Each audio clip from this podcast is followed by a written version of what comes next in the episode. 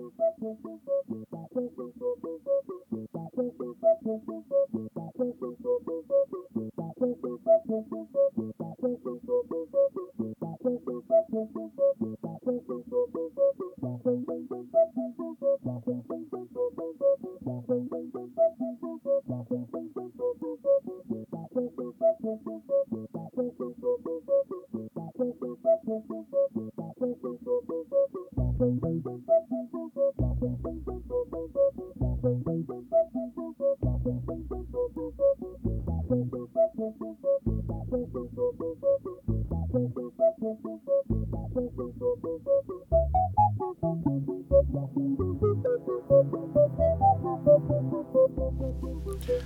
sælir, hlustendur góðir, gleðilegt nýtt ár. Gleðilegt nýtt ár. Ég heiti Guðmundur Pálsson. Og ég heiti Vilhelm Anton Jónsson. Við ætlum uh, næstu, hvað hefur að segja, tvo klukkutímana rúma, Já. eða svo. Að velta eins fyrir okkur vísindum og kannski þegar að vísindin, já, villast af leið. Já, þegar, þegar svona, þegar kenningar eru settar fram sem eru viðteknar en kemur svo í ljós að eru bara bull Já, og oft bara skadlegar og bara hættur einhver svona hlutir sem við trúum í langan tíma og hérna og reynum að stýra samfélaginu með en, en er bara, bara vittleysa mm og er vittleysa af því að þetta voru aldrei vísindakenningar. Það standast ekki vísindalega skoðun.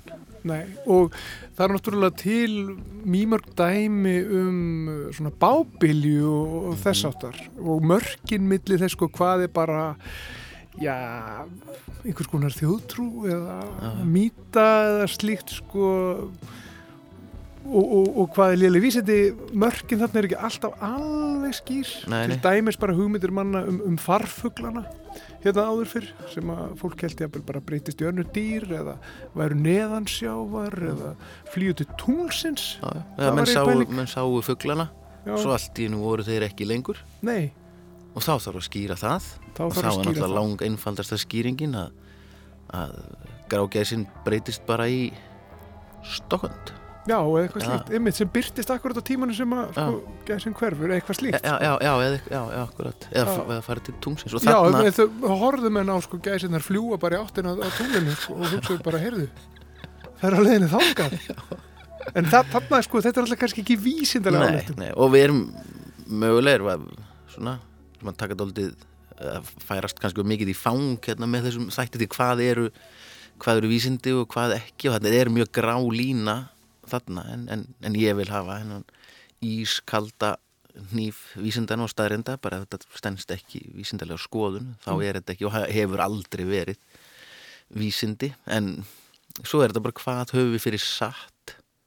Eins og, eins og þetta með, með farfuglana. Menn heldur lengi að náttúrulega jörðin væri hólað innan það var einhver pæling já, og alls konar náttúrulega menn heldur að hún væri flöt Já. lengi og í miðju sólkerfinu sem náttúrulega bara bull og voru það vitum vitum við í dag já, já og það, og hugsa er allt sem við sko, nú gerir svona gæsalappir Mhm. með, með putunum, þú veist allt sem við vitum í dag já, já, sem að batnaböndun okkar muni bara yfir að hleyja eftir ránkólvis í raugunum já, sko. já, já. Ég menn við höldum svona, þetta er svona tilnýðing hjá þessari dýrategund sem, sem við erum að halda alltaf við séum á einhverjum hátindi einmitt, að við séum, og svo farið þetta, er ekkit þannig í leið, þetta er bara bein lína Við er höld, það? erum við erum við ekki Rómverjar hafi- alltaf efst í brekkunni sko? jú, jú, jú, þetta sé alltaf að fara ofar ofar jú, en það er aldrei já, við erum, þá erum við engin hátindur sko. við erum kannski núna við vitum hvert að miða sko. já, Já. Vist, við verum, eftir þúsundar verðum við fýblin sko. Mhm. og svo líka þetta velta fyrir sér sko, hvað máli skiptir þetta já, svo er það.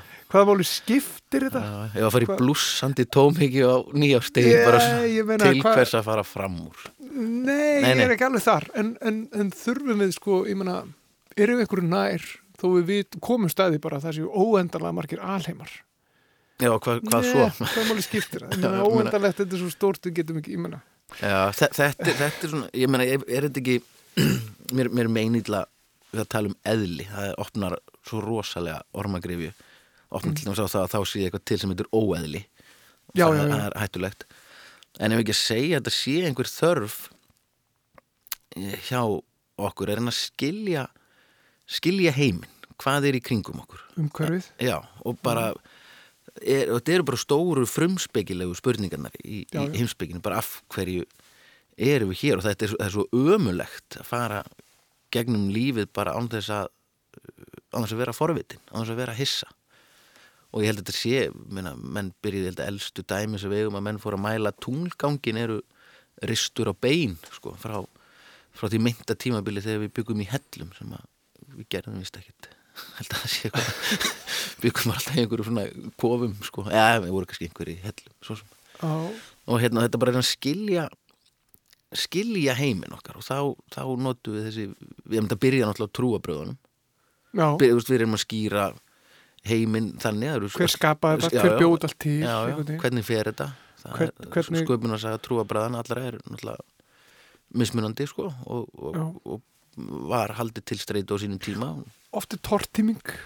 Já, það er sköpun og, og svo tortíming já, sko. þetta er svona upp að miðja endir. Þegar einhvern Já. tíman hlýtur og svo og nýbyrjun líka Já, já, já, já, þessi nú erum við að tala um. Já, erum eins og þetta sem það. fjallum vísindi. Já, já, ekki ávilligötum, reyndar. Já, já, reyndar. Um, já, og svo þessi pæling sko með með uh, hvenar um, hvenar við erum komnir á ranga braut. Já sko. hvenar er er, er uh, kenning og, ég meina, hvenar áttar menn sig á því að, að þetta er, þetta er þetta Bull, já, er það þar, er það þegar komin reynsla á það? Er það þegar að einhver er farin að uh, já, líða fyrir? Já, já, við hefum lifum alveg kenninguna? hauga dæmum úr, læknisfræðin náttúrulega. Hún er svona, hvað við segja, framfærir í henni eru oft mjög blóðuar Svo það er alls konar hlutir þar sem við viljum ekki vita um í dag. Nei, einmitt. en það er annar þáttur sem við getum gert sem er voðaverk í vísindum. Já, það er sniðut það er ekki þessi þáttur. Nei, nei.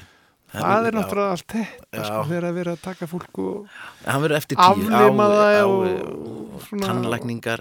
Það eru enn þann dag í dag hálf Það eru bara- viðbjóðslegar eitthvað undalegt fólk sem velur sér það en að vinna við. en En það er ég það er ýmsar hugmyndir sem menn hafa haft um um allt mill heimis og já, um, mannshugan til dæmis uh, það sé hægt til dæmis bara að þreyfa á E- e- höfuðkúpunni Já, já, þessu hérna frenológian eða höfuð höfuðlagsfræði held ég hún heiti sko. þar, Já. þar voru menn bara að skipta skipta því upp í manni hvort það voru 27 líffæri hugans og, og, menn mældu svona alls konar þú veist ef að þú varst eh, með kannski stutt á milli augnana þá varstu mm -hmm. glæpamaður og fundu út alls konar svona duðlafullt bull og þetta var eh, innan læknisfræðinar eða, sálfræðinar í daldinn tíma sko og hérna og það reyndu Og menn svona já, það, það er þetta svona forspárgildi að geta sagt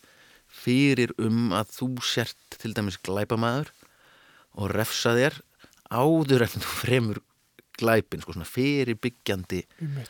Aðgerið sem að er sko, já, er þetta er líka að fara að tengjast hugmyndum um sko, e- eitthvað eðli sem var Já, eitthvað sem að já. þú varst sko að Já. forða, orðið sem varst að forðast á þann eitthvað eðli, uh, þannig er til dæmis pælingar um sko í framhald að þessum tengjast þessu að þú nefnir einmitt glæpina og Mhm. þetta sko, að það sé sko um, fólk með húðflúr já, já, sem, sem akkúrat. gjarnan sko kannski lægri stjettir á sínum tíma, við vorum að tala um kannski fyrir 200 árum eða eitthvað slíkt sko. 100-200 árum.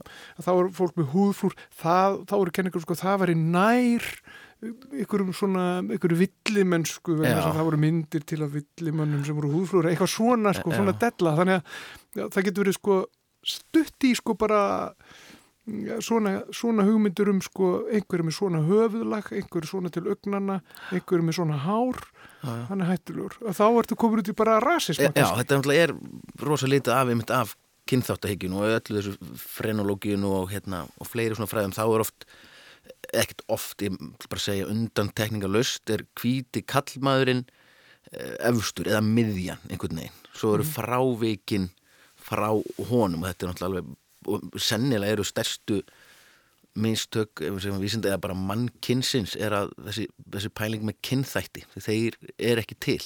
Ég held að þessi Einmitt. 0,0 uh, 0,0 0,57% frávik í genum. Og, og mannskefnum er einstaklega einsleit tegund. Já, að og, og það, þessi, þessi kynþáttahyggja er náttúrulega ömuleg og sennilega, er sennilega stærstu mistök, mistök vísindasögunar en, en þegar þú talar um eins og þessa höfuð lasfræði, svo, svo er ön, önnur kenning sem að hérna var uppi og þá, þá tengist uh, útliti dýrum ef, ef, að, ef þú minnir mig á eitthvað dýr eða svona Já. lítur þannig út þá hérna hlýtur þú að hafa skapgerðar eiginleika dýrsins, þetta er stórkostleg bullkenning og lifði merkilega lengi og meiri sig að eimir af henni en, en í dag sko, en þetta er eitthvað sem við gerum bara til Grikkjanna. gerum bara það, Já, hvað, já, Hvaða dýr, dýr? já ég, ég ætla með þig sko, nú ætla ég að dæma þig hér út frá hvað frá dýr þú minni mig á Vilhelm, nú, nú þekki fólk þetta andlit þessu og- augabrún. þessa já, já, já, þú sagðir að þú minni mig á ekki dýr heldur heldur sko eftirmyndi dýr sem er blái örnin í brúðleikunum bara eh, akkurat núna sko. Það kannski er það bara ljósið, ég veit það ekki. En þá er það örn. Og það Já, já. er nú ekki, ekki, Nei, nei, ekki nei, þú ert þá væntanlega já, hvað? Hvað? ég meina flýgur hátt. Já, já, uh, flýgur fugla hæst. Uh, segir í, í er já, Hörnun flýgur fugla hæst, er það ekki eitthvað? Um, við vitum það Já. sí, Arnar Sjón já. hann er sterkur hann er, vá, þú ert bara í góðum málum ef, að- ef að Ef þetta þetta, þetta er rétt ef þetta er Já. alltaf Þetta er bull, já, fyrir utan það að ég er alveg eins og bláu örnin í prúðleikurum, sko. fyrir þetta það, Fyrir utan reyndar, það er ekki Já. vísindalega niðurstaða svo. Og, og þessi, það er með þessi eigum í, í vísindarsögunni mjög skemmtilegt atvik sem tengist þessu að fólk, um, eða þú varst með langt og mjótt nef þá teiknuðu menni kannski einhverja hunda, það er til mjög flott bók um þetta sem að hérna eh, De Humania Physiognomia Della Porta Mhm. Presente til dæmis, nei, það var rugl já, þú, þú, farin að, en þarna þú til ert bara farin að bulla hérna. þegar, þegar, hérna, þegar Darvin ætlaði að fara, eða fór á bígul og, og sildi já, og hérna og eftir í kjölfæri sett fram eina sennilega mest prófuðustu og örugustu vísindakenningu sögunar þá að því að skipstjórin á, á, á bígul hann tilheyri þessum hópi sem að uh, fann einhvern veginn svona út hvers kynns manneski þú ert að því að þú minnir hann á eitthvað dýr Mhm. og hann ætlaði ekki að hleypa darfin um borð að því minnir hann fundist nefið á hann eitthvað, eitthvað skrít og darfin skrifar um þetta sjálfur. Það var þetta svolítið já, gott og hérna, og ætlaði ekki að hleypa honum um borð að því hann myndi hann á einhverja dýrategund sem að væri sennilega ekki góð á sjó og í þessu erfiða lífi sem fylgdi því að vera á, á hérna, seglskipum þess tíma. Og, og Darvin segir frá þessu mjög, mjög skemmtilega en hérna og kemur svo í ljós að skipstjórin ákveður að hleypa honum um borð. Og þetta er svona ef og hefði augnablík í vísindarsögunni sem er alveg bannað, það er bannað að spila ef og hefði leikinn. En Gerðu það samt. Ég gera það samt, Ef hann hefði nú svona staðið fastar á sínu þessi skipstjóri og með þessum fáránlegu vísindarökum að Darvin myndan á eitthvað landdýr sem má ekki teima á sjó Mhm. að þá mögulega væri heimurinn aðeins öðruvísi en, en hann er í dag Já, Kannski. Það hefði annar máli fattað skipt- Já, já, jú, það hefði komið sko. er það ekki alltaf þannig? Já, náttúruval hefði dúkkað upp Það hefði Sannleikur, Já, sannleikurinn þegar þú siktar nóg lengi þá verður Já. gullflísin eftir sko. Já, en góð saga. Mjög góð saga Uh, Nóa bladri í byli Þetta er nefnilega við erum með nokkra viðmælendur og svona, við ætlum aðeins að velta þessu öllu fyrir okkur Þetta er þátturinn vísindi á villigutum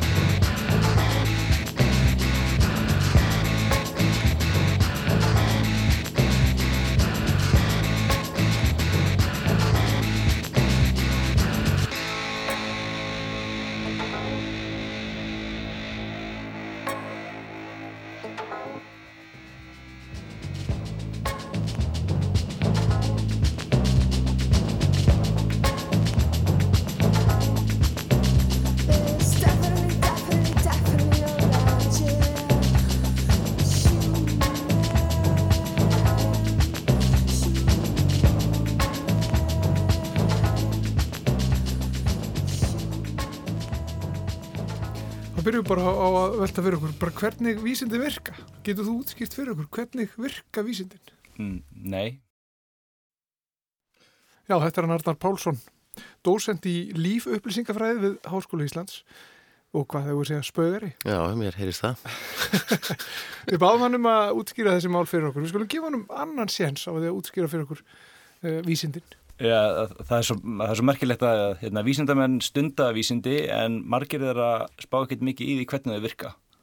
En hérna, vísinda heimsbyggingar og sakfræðingar hafa svona reynd átt að svo hvaða eru líkil atriðin í hérna, vísindalegri aðferð og, hérna, og það, er, það er margir þættir, það er tilgátur og það eru prófanir og það er að setja hlutin í samengi og síðan er það samtal á milli vísindamanna innan samfélagsins sem að þá uh, tryggja það eða sjá til þess að sumar hugmyndir er að ná fótfestu og verða viðurkendar en aðrar eru siktaðar út af því að það er fólk átt að sjá því að það er voru, voru rángar eða einhvern veginn hérna, byggðar á röngum fórsetum eða eitthvað slíkt. Vísindalega aðferð hún er náttúrulega er mannana verk, hún hefur verið að þróast í gegnum aldirnar, hérna, grikkinir þeir fóru að reyna að lýsa hérna, einu náttúrulega heimi á einhvern kerfisbundin hátt og það er kannski svona fyrst, fyrst í kjarnin það að þú reynir að áttaða hvernig heimurinn virkar og þú vilt setja fram eitthvað svona heilstæða mynd um það hvað er í gangi.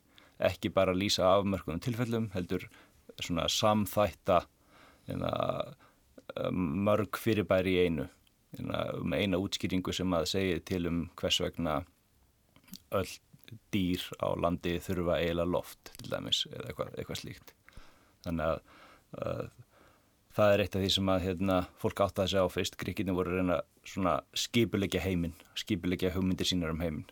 Og síðan náttúrulega með upplýsingunni þá komu margir heimsbyggingar og fóru að spáði hvernig læri við um heiminn sem bestan hátt. Og, og þá voru svona eiginlega tveir skólar annars vegar það að þú ættir að sapna fullt af hérna, staðrendum eða aðtugunum og síðan reyna að aðhlafa frá þeim sem er eiginlega svona gamla nálgunin og síðan svo sem að varð ofan á sem að er hinn vísindalega aðferð það er það að fara að móta einhverjar tilgátur sem fer síðan á stað og prófar og, og það er eiginlega kjarnin í vísindalega aðferð að hérna, geta að prófa einhverjar tilgátur En svo er líkilegri líka er það ekki að aðrir geti prófað uh, sömu tilgáttu og, og þurfa þá að komast að sömu niðurstöðu til þess að, að tilgáttan sé samþygt. Jú, það er, hérna, það er svona ákveðin krafa um að, hérna, að þú setir upp einhverja spurningu sem að hafa einhverjar hérna, afleðingar sem að hérna, þú getur síðan farið á aðtóað, getur farið að prófa einhverja stærðir eða mælt eitthvað eða hérna, talið eitthvað.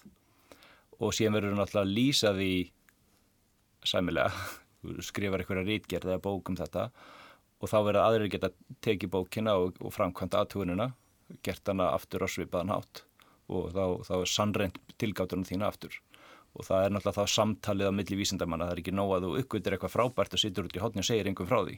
Þú verður að miðla þessu einhvern veginn og miðlaði þannig að aðrir áttis á því hvernig þú prófaður hlutin og hvernig þú hérna, hérna hvernig þú svona uh, afstiltir eða þessu, tókst tillit til þáttar sem að gætu haft áhrif hérna, á, á fyrirbærið og, og þannig. Þannig að hérna það er þess vegna sem að vísindamenn eru sískrifandi, skrifa bækur eða greinar eða rítgerðir eða eitthvað og reyna að hérna, skrásetja sem best hvernig þið gerðu hlutina þannig að aðri geti ringt í það og, og, og séð hérna, reynda að endur taka það Mm -hmm. eða þá reynda að hérna, afsanna það.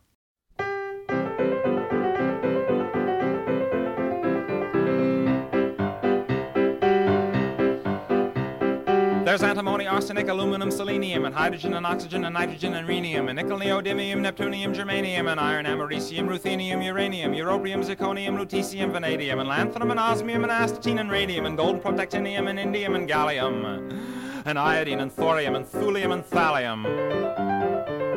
There's yttrium, ytterbium, actinium, rubidium, and boron, gadolinium, niobium, iridium, and strontium, and silicon, and silver, and samarium, and bismuth, bromine, lithium, beryllium, and barium.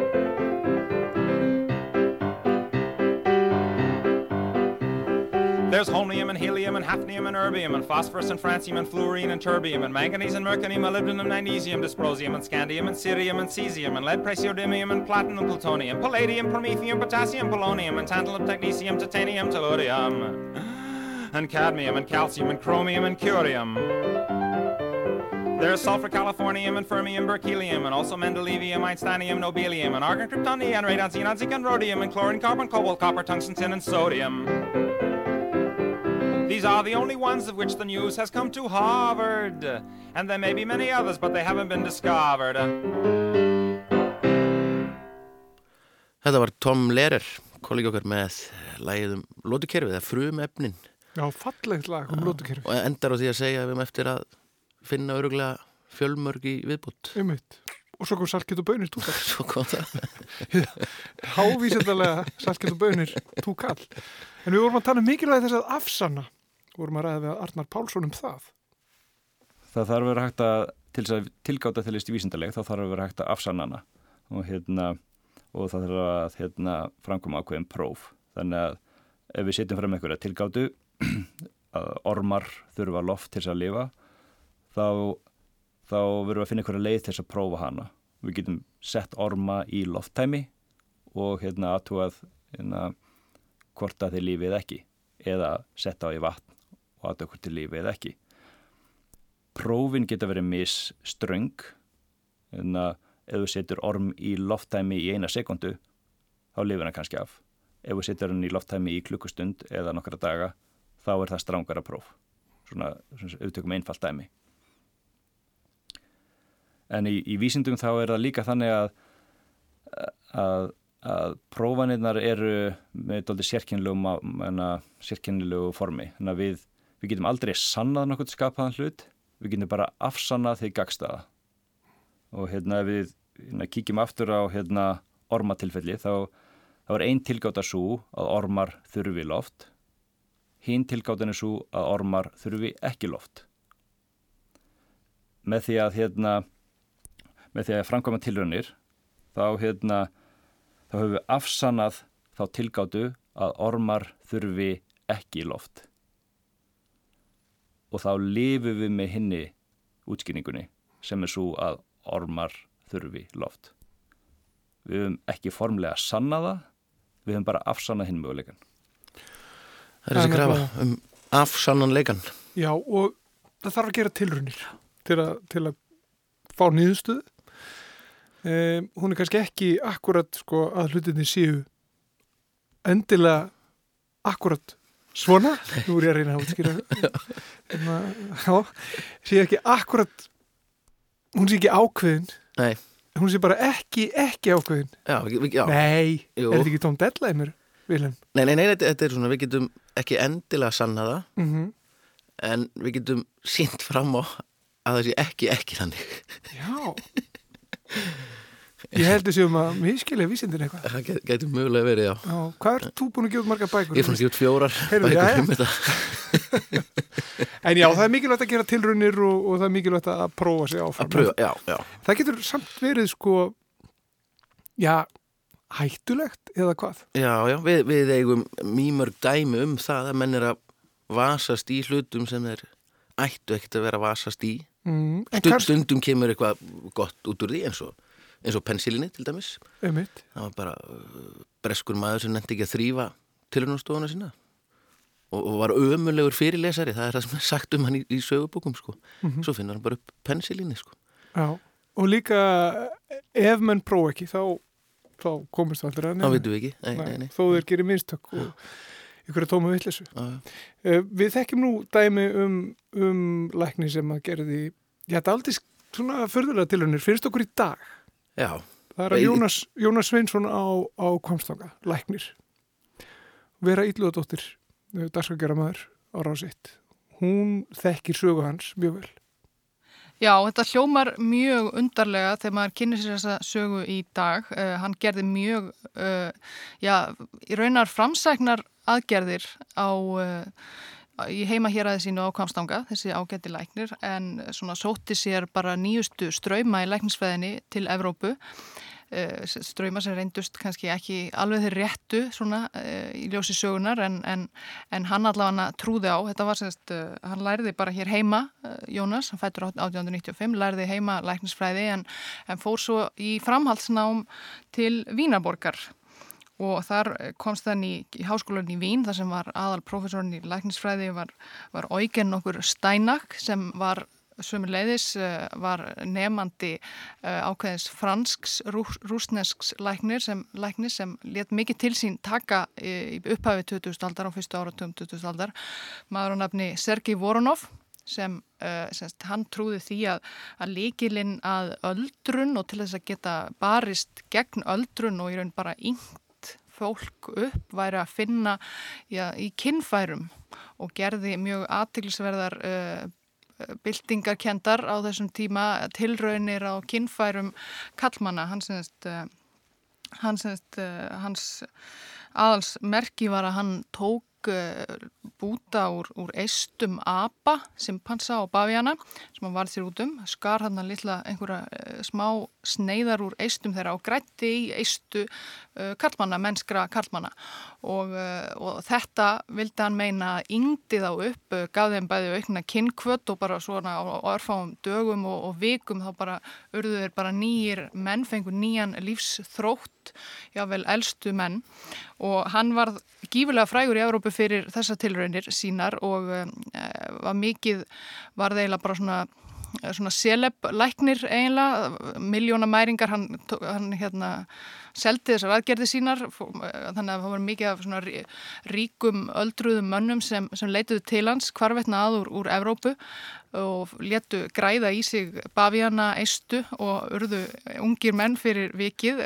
Það nú reyndar hefur nú verið sannað síðan að þessar aðgerðir hafðu engin raunverulega áhrif. Þetta var einhvers konar einhver livleisa þegar þeir voru komnir með apa eistun í sig þá bara fylgtust þeir, fylgtust þeir allavega trú á því að þeir væru nýjir menn og, og Það líka ef maður borgar svolítið vel fyrir Já, það, þá kannski spytur það ekki fyrir. Og uh, já, en uh, vorun á þessi var, var víðfrægur og uh, átti sér lærisveina um alla Európu og þar á meðal var þessi Steinak sem svo kendi þessi fræði honum Jónasi Sveinsinni frá, frá Kvamstanga sem var framsækin ungur læknir og þegar hann kom heim aftur 1928 heim í, í, á Kvamstanga þá var hvaðan að, að nú vildi hann var þar bara venjulegur heimilisleiknir en hann vildi, hann vildi, hann vildi meira og ákvaða að byrja að gera tilraunir með þau fræði sem hann hafði lært frá, frá doktor Steinak í Vínarborg og var svona byrjaði á, á hundum, hann lýsir því í æfisögu sinni Jónas, uh, lífið er dásamlegt, heitir æfisagan, hann lýsir því hvernig hann byrjaði því að sanga sér hundum sem hann rakst á þarna í, í sveitinni, sem hann æfiði sig á og skipt, var í gera alls konar svona líffæra flutninga og krukka í eistunum á þeim og, og svo framvegis.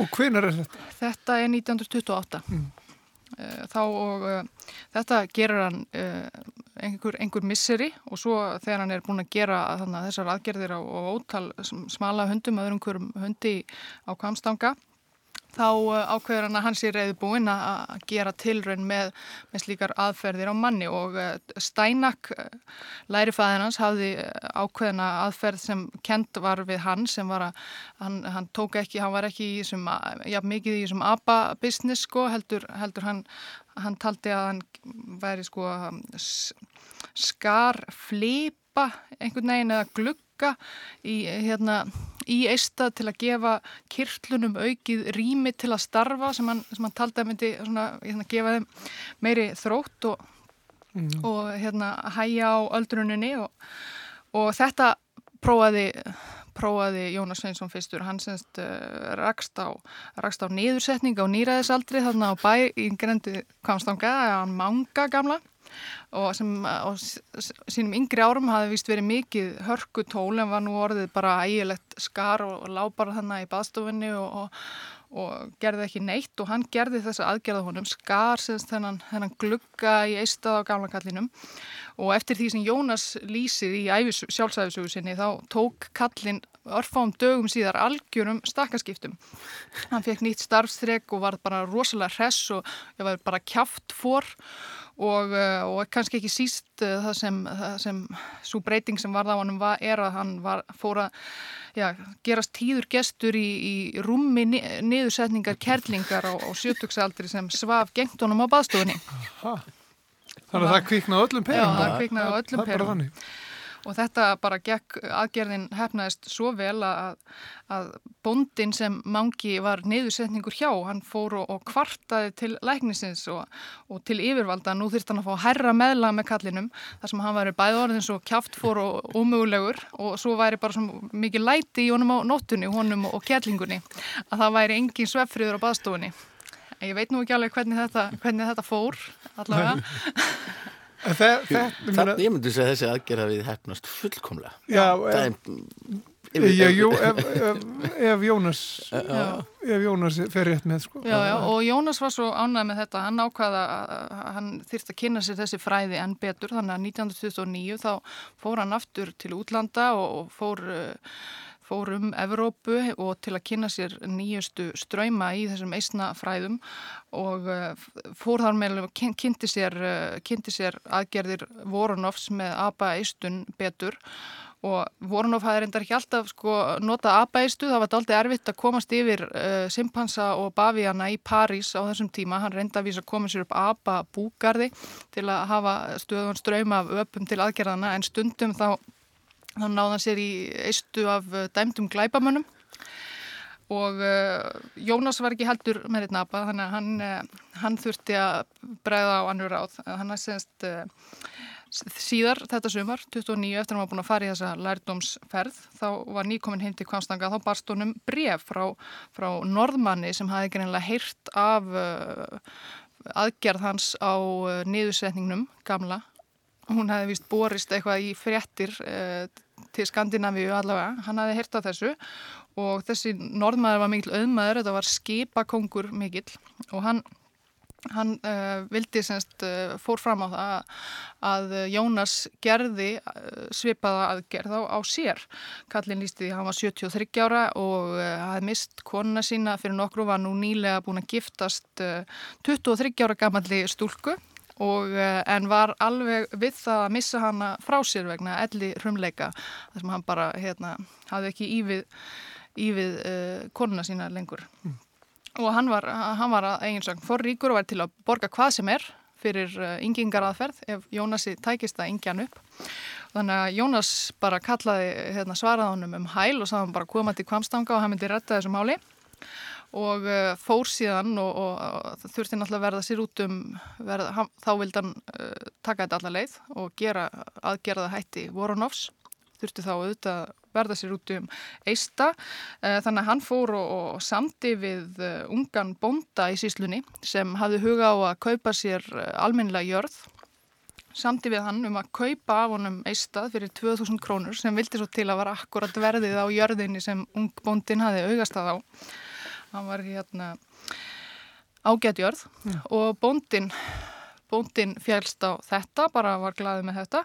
Og eftir því sem Jónas lýsir þá gekk þessi aðgerð eh, mjög vel. Þeir lágu þannig að báðir á, á skurðaborðinu hjá honum og hann tók hann tók uh, bút úr eista ungbóndans og grætti gamla skipakongin og þetta, og þetta fór bara fram samtímis þetta, Já. þeir bara, já. Já, þeir bara voru þannig báðir Já. og þetta, og hann vil meina meira segja að hann hefði staðið sig miklu betur en Voronov sjálfur í þessu Eðlilega, Eðlilega. og uh, gert þetta mjög vel og, og uh, já, hann, þetta hefnaðist líka uh, skipakongurinn fór heim og svo skrifaði hann honum ári síðar eitthvað svo leis að, að þetta væri allt annað, hann væri nýr maður og staðið sem miklu betur í, í rúminu með konunni og svo leis, ég veit nú ekki hvað hann fór grafist í það en, en allavega vil hérna, segja Jónas að þetta hafi verið þetta hafi verið allt annað fyrir skipakongin og uh, ungbóndin kefti sér jörðina og var, var ánæð með það. Að vísu náttúrulega bara með þegar það spurðist út í sveitinni að hann væri bara með eitt eista þá uh, voru vist uh, konurnar í, uh, stúlkunnar í sveitinni uh, lítið hrifnar af honum. Þrátt fyrir, Já. fyrir landaregninu Já, þannig að hann var að láta sér næja bara jörðina, hann auðvist ekki mikillar kvennhilli allavega eftir þetta en uh, unnaði sáttur við sitt með þessa ágætu jörð sem hann fekk fyrir. og, og skipakongurinn yngdist allur upp að Já, Já. um, allir voru bara nokkuð gengur sáttir á borði. Já. Se- Segir eitthvað meira af svona aðgerðum? Af honum Jónas okkar eða var þetta Þetta var held ég hans, eh, hans aðal Þetta var ekki upphafið að glæstum Nei, ferli í nei, þessum því geira. miður, en það var það svona kannski Fóru menn kannski átta eftir sig, þetta, að þetta var kannski ekki alveg það var kannski ekki alveg eins hávísindalegt og, og, og, og menn vildu meina. Já, þetta er kannski á tíma þegar mann er að átta sig kannski á að uh, hormónum og, og Jú. einhvern veginn að þeir hafa áhrif og, og kirtlastarfsemi og þess að Jú, og um, svona, þetta eru náttúrulega fáránlegar tilraunir Mhm. sem eru, sem þessi menn voru að gera en, en þeir voru sömu leiðis líka brautriðendur í að allavega að komast að í, því sem við tökum sem gefið í, í dag eins og einn af, einn af svona, hérna, aðal höfundum eða frumkvöðlum í svona kirtla fræðum og svoleiðis, hann til dæmis var líka daldið inn á þessu inn á þessari línu og sett og held hann hafi sprautað vökva úr naggrísa eista í sig í vonum að sjálfur yngjast upp. Þannig að fólk var svona, menn voru þeir, hík, þeir híkuðu ekki við að prófa ímislegt sem er nú bara E, og svo, svo í krafti þessara mistaka þá, þá verða einhverja framfærir í vísundunum sko. Já, um akkurat Svona kannski, ég veit nú ekki hvað hefur komið nákvæmlega út úr þessum eistna flutningi, en örgulega lært eitthvað um sóttrinsun og stáfskurðni eða eitthvað, ég veit að ég lítur að vera eitthvað. Já, en, en, en þessi, en bæði Voronov og, og Steinbach, hérna það, Já, austuríkismæðurinn. Heldur þeir áfram á sömum braut, þekkir það?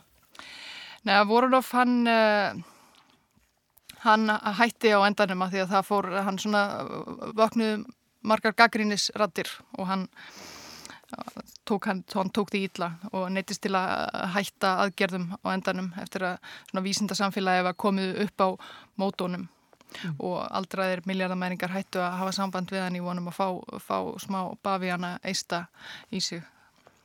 Já. Þannig að hann, ég held að hann hafi dáið blankur og einn og yfirgefin því miður.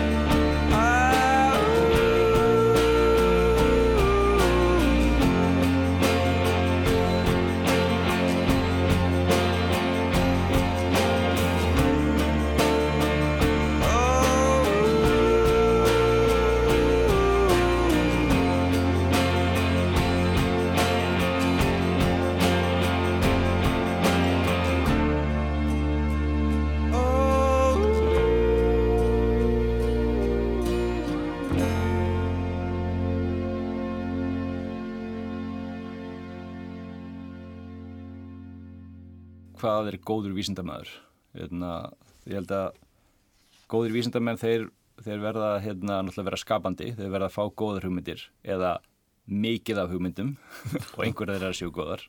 Arnar Pálsson, aftur. Eh, þeir verða líka hérna, að vera sjálfskakrinir að geta eða framkvæmt svona, svona hugsana tilraunir hérna, spurt, hérna, þetta er tilgáta mín og þetta er það sem ég myndi vilja mæla með það sem við þekkjum hvernig ætti þetta hegða sér? Er þetta, er þetta besta spurningin, er þetta besta aðferðin? Vera eiginlega svona eins og margir listamenn kannski svona sjálfum sér vesti gaggrinandi sífælt að spyrja erfiðu spurningana. Og, og síðan alltaf verða er að hérna uh, þannig að góði vísindamenn eru margir þeir sem að finna klára leiðir til þess að prófa. En að þeir átta sig á því að já sterkasta prófið eða öflugasta prófið er ef við aðtuga nákvæmlega þetta aðrið, að að það er, það er ekki augljóst ef þú setur upp kannski einhverja, spurningu af hverju eða sofa ormar? Hérna, hvernig átt að svara þeirri spurningu? Hérna, hvað dreymir orma? Hvernig átt að svara þeirri spurningu? Hérna, það eru, eru fullt af leiðum til þess að svara, svara spurningunni og góðir vísindamenn finna þá, þá rétta leið eða góða leið til þess að, að meta spurninguna og síðan þess ekki fjórða atriðið að vísindamenn þeir þurfa að geta miðla því sem þeir hafa lært mm. niðurstöðunum sínum og tekið þátt í svona uppbyggilegu samtali innan vísindarsamfélagsins um niðurstöðunar hérna, miðla þeim, tekið gaggrinni og síðan svona bara tekið þátt í svona heilstæðu samtali um hugmyndina og svona haldið áfram að þroskana eða hjálpa til við að stuggun út af borðinu ef ljós kemur að hún sé tóm þvæla Menna, það er náttúrulega líka, það er uppbyggilegt. Menna, það er uppbyggilegt að geta útilokað möguleika. Þannig að ég byrð þótt að það var manns persónlega hugmynd sem að, maður er útiloka. Ef þetta stýttir leðina sannleikanum sko, ef við höfum miljón dýra að labba í gegnum sko, þá umlega við höfum 999.000 þá er það náttúrulega komið nær sannleikanum sko. Já, miklu, al, alveg rétt já.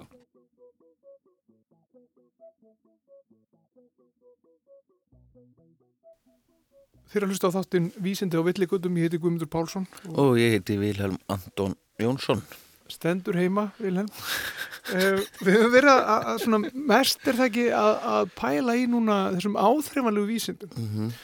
Um, henni vísindalegu aðferð og hvernig svona, já, hvernig menn gera tilraunir, komast það niðurstöðu. Setja fram, setja fram tilgátuna, Akkurat. pröfa hana Einmitt. miss, miss, ströng Og þetta er svona hinn á. Áþreifanlegu vísindi svolítið. Þú blandar saman uh, tveimur efnum. Eða, þú sleppir í að þrýfa verkfærið þín tilrunar og- býr til komið einhvern svepp sem heitir pensilín og já, sem læknar alla sýkingar Já, sem var- bakterju sýkingar Bakteríusýkingar, já. ekki, ekki veirur. Svo eru náttúrulega vísindin eru náttúrulega miklu viðfæðumari en þetta, það er ekki bara þar sem þú sérð og þar sem þú getur þreifað á Nei, nei. Ó, óáþreifanlegu vísindin er eins og starffræðin til dæmis við getum ekki Við getum reynda deilt um það hvort að starffræði er áþreifanleg eða óþreifanleg. já, hún, nei, ef að pröfa Já, ég meina ég ætla, ég ætla að vera á því að þau séu óþreifanleg. óþreifanleg vísindi já, Já, já, hrein starffræði sko. Þar maður ekki bara lítið kringu sig og þá bara, Jú, en þá getum við sagt það um allt líka sko. Að við upplifum alltaf heiminn, við getum þá sagt það um önnur innan gæðslepa óáþreifanleg vísindi að auðvitað eru þau allt í, í kringum okkur sko. Mm, en st- starffræðin er, ég, myndi- segja en það er svona minnstur og þess að þar sem við sjáum. Já, það, og getum komið við einhvern veginn og já, já, það er nú það sem að gera okkur að, að klárustu dýrategund. Hef, já, nei, ég ætla ekki, ég, ég gef engan afslátt þessu sko, við hérna, maðurinn er hérna klárastu dýrategund sem uppi Mhm. hefur verið sko, því að hérna við höfum skynsemi og raukugsun og akkurat þetta að, að þekkja minnstur Já, það gerir okkur svo klár. klár. Við erum svo fljót að þekkja minnstur og það er það sem skilar okkur áfram að sjá einhverja reglu í, í hlutunum, nú er ég ekki að gera lítið úr Kríunni? kríunni eða nasýrningum en, sem að ratar á suðupólinn sko, krían ég meina þú myndir Já, ekki að rata á suðupólinn nei, nei, eða þú myndi- myndir komast að þú ert svo klár Já, ég myndi láta mig renna niður, þannig niður, Jú, neðst á hnettum, ég myndi bara Já, setja já. skip út í sjó og, Og þá myndi það renna húrra. niður, það Já. hlýtur að renna niður hnöttin. Já, svona, þetta er rökhugsun Já, já, hjá þér Vísindavilla. hjá Homo sapiens Vilhelm Anton Jónsson, Homo sapiens kórunasköpunarverkis en já við, erum líka, já, við skulum velta þess fyrir okkur líka þessum, þessum óáþreifanlegri vísindum já. eða hvað Sko eins og við höfum, við erum búin að tala um eins og læknisfræðina, mm það er búið að græða eista eða svona bút prófa það prófa það. já. Það var ekki hefur, góð hugmynd Hefur fyllt okkur mjög lengi að reyna svona, þessi, þessi svakalega uh, þrá í, í sannleikana, skilja og það er held ég svona kjarni í vísindina, skilja samfélagið í kringum okkur og, og heiminn okkar, Mhm. af hverju erum við eins og við erum og menn hafa stundum komist að undarlegum niðurstöðum þegar þeir reyna að skilja, skilja samfélagið sitt sko já, og kannski, og hegðun og hegðun, já, er það ekki? Og þá eru komnir inn á já, hvað, hvaða brautir? Það er hið andlega svið já, kannski já, já, eða hvað? Já, já. um, það eru geðlækningar og, og, og, og, sálfræðin. Um mitt það er einn að svona finna einhver minnstur í, í hegðun og af hverju, af hverju fólk haga sér svona og svona. Já, og hún veit meira um það, hún Ragnar Benedikta Garðarsdóttir, dósent í félagssálfræði við Háskóla Íslands. Hún ætlar að segja ykkur frá já, einni svolítið merkjari kenningu já, segðu okkur aðeins frá þessum, þessum hugmyndum eða kenningum um það sem hefur kallað geðsmitt Já, þetta er hérna uh, hugmynd sem kemur frá manni sem heitir Le Bon. Gustaf Le Bon, hann var hérna franskur og, og var uppi um þar síðustu aldamót. Hann var að reyna að útskýra uppþótt sem átti sér stað í Stórborgum Fraglands á þessum tíma og þessar hugmyndir hans voru nú ekkit sérstaklega uh, frumlegar að því leiti að á þessum tíma var pastor nýbúin að uppgöta fyrir bærið smitt og, og Le Bon og fleiri reyndar líka reyndu að- heimfæra þetta fyrir bæri að því skildi ekki nákvæmlega hvað í því fólst og reyna að heimfæra þetta yfir á ímislegt annað eins og í þessu tilfelli á mannlega hegðun og hóphegðun og hvað gerist í svona margmenni. Á þessum tíma var hérna, voru reglubundi einhver uppþótt um, svona á setni luta 19. aldar þar sem að fátæka fólki eða allt því að þausti inn í útkverfi borgar, borgarna í, í Fraklandi og hérna braut allt og bramlaði og búrsjúa fólkið í, í Fraklandi hefði þessu gríðarlega áhyggjur og var að reyna að skilja hvað í ósköpunum eða fólkinu gekk til og hérna í stað þess að setja sig í spór fólksins og reyna að, að e, skilja þeirra málstað og ástæðuna fyrir uppþóttunum sem hafa náttúrulega greiðalist stjættaskipting og, og ójöfnöður þá hérna um, í rauninni þá útskriði þetta svolítið svona frá fílabeinsturninu að þetta fólk hliti að hafa allt sem að smitast af einhverjum, einhverju dýrslu eðli inn í þessar kenningarlega bons eh, hann, það ægir öllu saman, hann rugglar öllu saman og þarna er allt í einu komið þróunakenningin og hann skilur þetta sem svo að fólk hljóti að hafa dotti niður nokkur þróunathrepp við það eitt að vera bara saman í hópi. Það sé fara að haga sér eftir kvötunum einum saman, siðgæði og siðferði sé bara horfið og að, að slíkt, slíkur hugsunaháttur smítist manna á milli. Og hann hérna, um, það eru svona þrjú uh, skref í þessari, eða þrjú þrep í þessari kenningu, hann talar um þetta að, að það sé eitthvað smitt, hann talar um nafnleysi, að, að fólk fyrrast algjörlega persónleiri ábyrð á sin eigin hegðun í svona hópi, uh, það er mikið búið að rannsaka það og, og misvísandi niðurstöður reyndar. Og svo talar hann um að sé einhverju svona ómeðvitaðar andfélagslegi kvatar og allt sem að var hérna ómeðvitað var í tísku á þessum tíma. Freud, hann tekur þetta líka upp í sínum, sínum skýringum á, á um, hóphegðun og markmenni. En það sem að þessar kenningar uh, sem að eru þess eðlis eins og þetta reyna að, að skýra alla hegðun uh, mótmælenda uppþóta markmenni, þess að reyna að skýra það einfallega út frá uh, einhvers konar dýrslegu eðli eða eða náttleysi, það gerir svo lítið úr málstæði fólksins og eitt af því sem það gerir hérna þessar kenningar skýra ekki er hvers vegna bara sumir smittast en ekki aðrir. Mm -hmm. Hversni óskupunum smittaðist þá ekki hérna hástjætta eða yfirstjætta fólki af þessu hérna geði sem að fátakara fólki hafi og hérna af hverju smittust ekki lauruglumennir eða herin eða hverju sem voru kallaðir inn til þess að reyna að hérna halda aftur á skrilnum og hérna orð skrýtli stundum ennþá notað yfir sem sagt fólk sem að er að reyna að berjast fyrir einhverju málstað.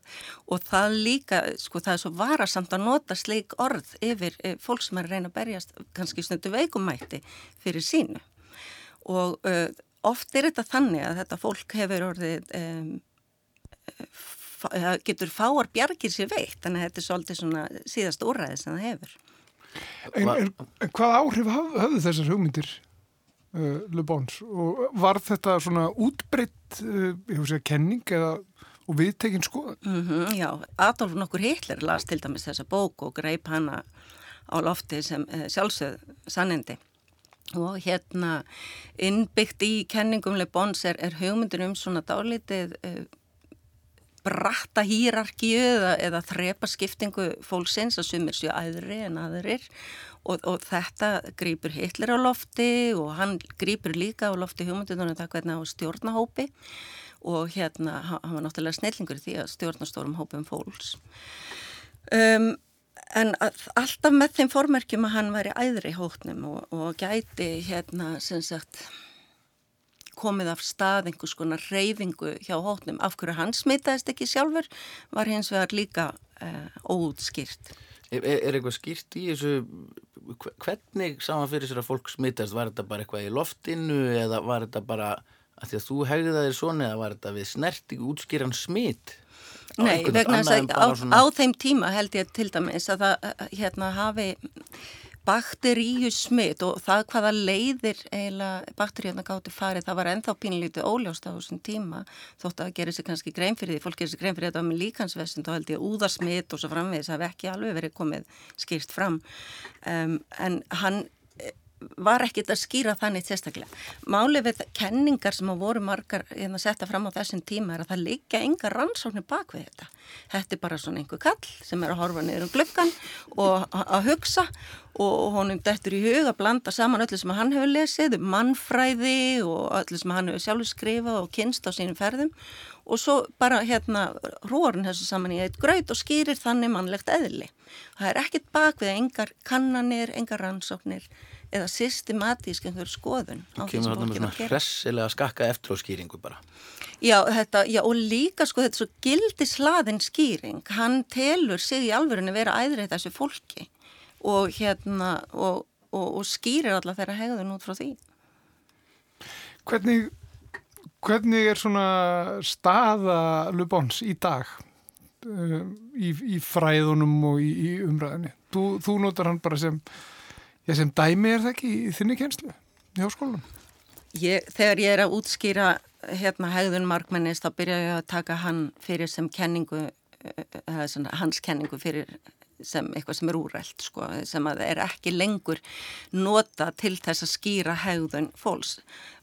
Um, málið er það, ég, sko margir halda ennþá að þetta sé sönn skýring á því sem að gerist í markmenni mm. og þess vegna er oft köllu til e, lögregla og svona þegar það eru mótmæli einhvers þar, það er e, vísvið, það er gert ráð fyrir því að þetta hljóti að enda í uppþótum. Málið er þetta, þegar þú sendir inn til dæmis uh, vígbúna lögreglu til þess að mæta hópi fólks, hvaða, svo í sletti, normatífu merki ertu að gefa um hvaða aðstæður séu eðlilegar skilur á þeim tíma. Við það að senda inn einhvers konar uppþóta lögreglu þá ertu að gera ráð fyrir því að það verði uppþót þannig að stundum er bara presens lögreglumanna og ég er ekki að tala um friðsælu, indislu, íslensku, Instagram lögregluna, ég er að tala um, þið veitir, í stórborgum Erlendis. Mm Það gefur ákveðin merki um það hvaða hegðun er normatíf á hverjum tíma.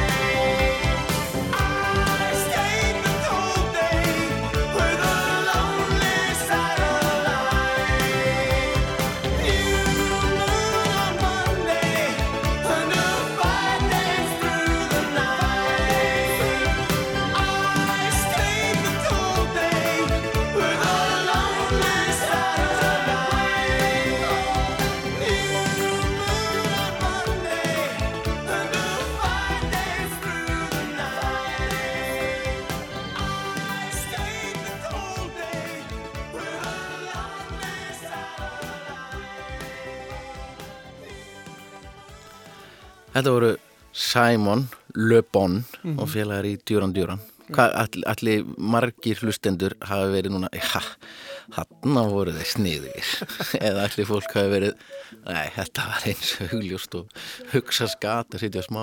Simon Le Bon. Að því vorum að tala um Gustaf Le Bon. Að því vorum að tala um Gustaf Le Bon. Já, okkur fannst þetta að minnsta kosti fyndið. já, ég hlæ hérna alveg. Ég líka. Þetta er líka svona byltingalag svolítið. Já, já, já. Svona, svona skrýllin að syngja. skrýllin að syngja, já, já, enda voru skrýlslæti í kringum þessa hljómsveit, sko. Já, já, mikið, mikið rétt, mikið rétt, mikið æði. Múksefjun kannski, Múksefin. læti. Já. Vorum að tala um hennar Rögnu Benedikt og Garðarsdóttur uh, um það sem hefur kallað geðsmitt og þessar kenningar Lubons, uh, Gustaf Lubon. Hann er kannski forfæðir Simons, Simons. hver veit. Hver veit? En hleypum Rögnu aftur að. nútímakenningar um svona um, uppþót og eða mótmæla hegðun um, fjalla um frekar um svona, það, það er ganga út frá því að þetta sé milli hópa samskipti að það sé ólíkir hópar með ólíkar kröfur sem að hérna um, hafa samskipti sín á milli á þennan hátt þetta er svona in-group, out-group hérna nærhópur, fjærhópur er þetta stundu kallað á íslensku. Um, að hérna annar hópurinn hefur völdin og hinn hópurinn hefur ekki völdin og uh, valdar lausi hópurinn er að, að setja fram sína kröfu. Og það er ekki random hvernig það gerist, einstaklingarnir uh, eru þvert á móti, um, þeir eru ekki að, að missa uh, sína sjálfsenduða identity heldur þvert á móti eru þeir einmitt að sína sínar eigin kröfur og, og fara fram á sínar einstaklingskröfur. Þeir eru ekki bara hluti hópi, þeir eru að fara fram á eitthvað sem er gott fyrir þær, þá sjálfa og í, í krafti fjöldans telja þeir sig einmitt geta kannski komið sínu á framfæri og oft er það, það er ekki svona random smit, skiljið þetta á sér ekki stað, ef að einhver einnur sem hópi fyrir inn í kringluna það verður ekki allir brjálæðir þar. Þetta á sér stað fyrir framann valdarstofnanir uh, reyndar stundum er það ekki rétt valdar, það verðist alltaf vera alþengi hérna heima en ekki eh, borgatún fyrir fram bankastofnanir eða eitthvað en, en þar fyrir utan. Um, það er hérna er, þetta er milli hópa hegðun, það sem að nærhópur og fjærhópur er að reyna að hafa samskipti sín á milli og með því að gera lítið úr kröfum þeirra sem er að mótmæla, með því að uh, bara uh, hvað ég að segja, stimpla á sem skríl, líð, uh, eitthvað fólk sem hefur smitast að einhverju dýrslegri, afbreyðlegri hegðun, þá hérna er verið að gefa sálum sér lefi til að hlust ekki á þeirra kröfur. Og finnst þér heima eftir af þessu, kannski ekki, menn eru kannski ekki bara eitthvað að lesa lögbón og bara já þetta er rétt, en bara einhvern veginn hugmyndin. Hugmyndin er ennþá uh, við líði, já, ég því miður tekið eftir því að, að tala er um, um hópa fólk sem er í uppþóttum eða sem er í mótmælum fyrir ekki talað um mótmæli sem er uppþótt og fólki sem tekur þátt í mótmælunum er stunduð kallaður skrill. Og hérna bara það gildislaðana orð að segja að einhver hópur fólks í skrill segir manni hvað það er lítið verið að gera úr hugmyndum þeirra Það er nefnilega stundu þannig í svona aðstæðum að það er eitt og eitt skemmtepli sem að nýtir sér, um, hvað ég að segja, nýtir sér það að, að það er svona komin losara bragur svo litið á, á hérna, samfélagslega reglur og brýtur af sér í skjóli þess. Ef við bara rétt, bara veltum fyrir okkur kannski tengdum fyrirbærum sem að minnstu kosti mér dettur svona í hug, það er talað um svona mú-æsing, að það geti svona það byrjar eitthvað einhvern veginn, svo byrjar eitthvað að rópa eitthvað og svo verður eitthvað reyður og það verða fleiri reyður, fleiri taka undir það. Já, Uh, það annars vegar og, ha? Já, hú. Akkurat, akkurat áfram Ísland kannski líka. Akkurat. og svo svona það sem kannski kallað sevjun eða svona, Músefin. já. Getur, getur útskipt þetta aðeins fyrir okkur kannski? Og, og hangir þetta eitthvað saman? Uh, músefjun er orð sem er nota yfir hegðun sem að engin, sko hvað er sefjun? Einhvers konar dáleiðsla sem að er sögð hérna um, leggjast yfir allan hópin, hóp dáleiðsla en það er ekki skýrt í því hver er, það, hver er sá sem dáleiðir, uh, hver er leiðtógin, af hverju fylgir fólk.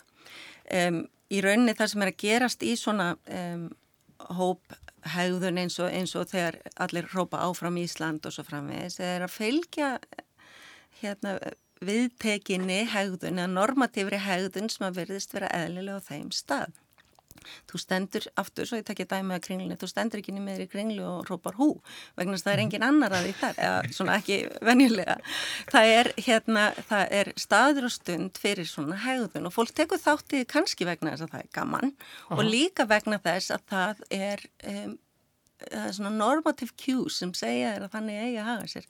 Og við um, erum svona dýrategund sem að sína ákvæmna fylgispekt og hérna það hversu mikil fylgispekt eða svona conformity er í okkar hópi sést best að þegar einhver er ekki að sína fylgispekt þegar einhver er ekki í takt við hlæjum að því, okkur finnst það ótrúlega fyndi til dæmis að horfa hóp fólk sem er að dansa um greit sem er ekki í takt hann er allt öðruvísi.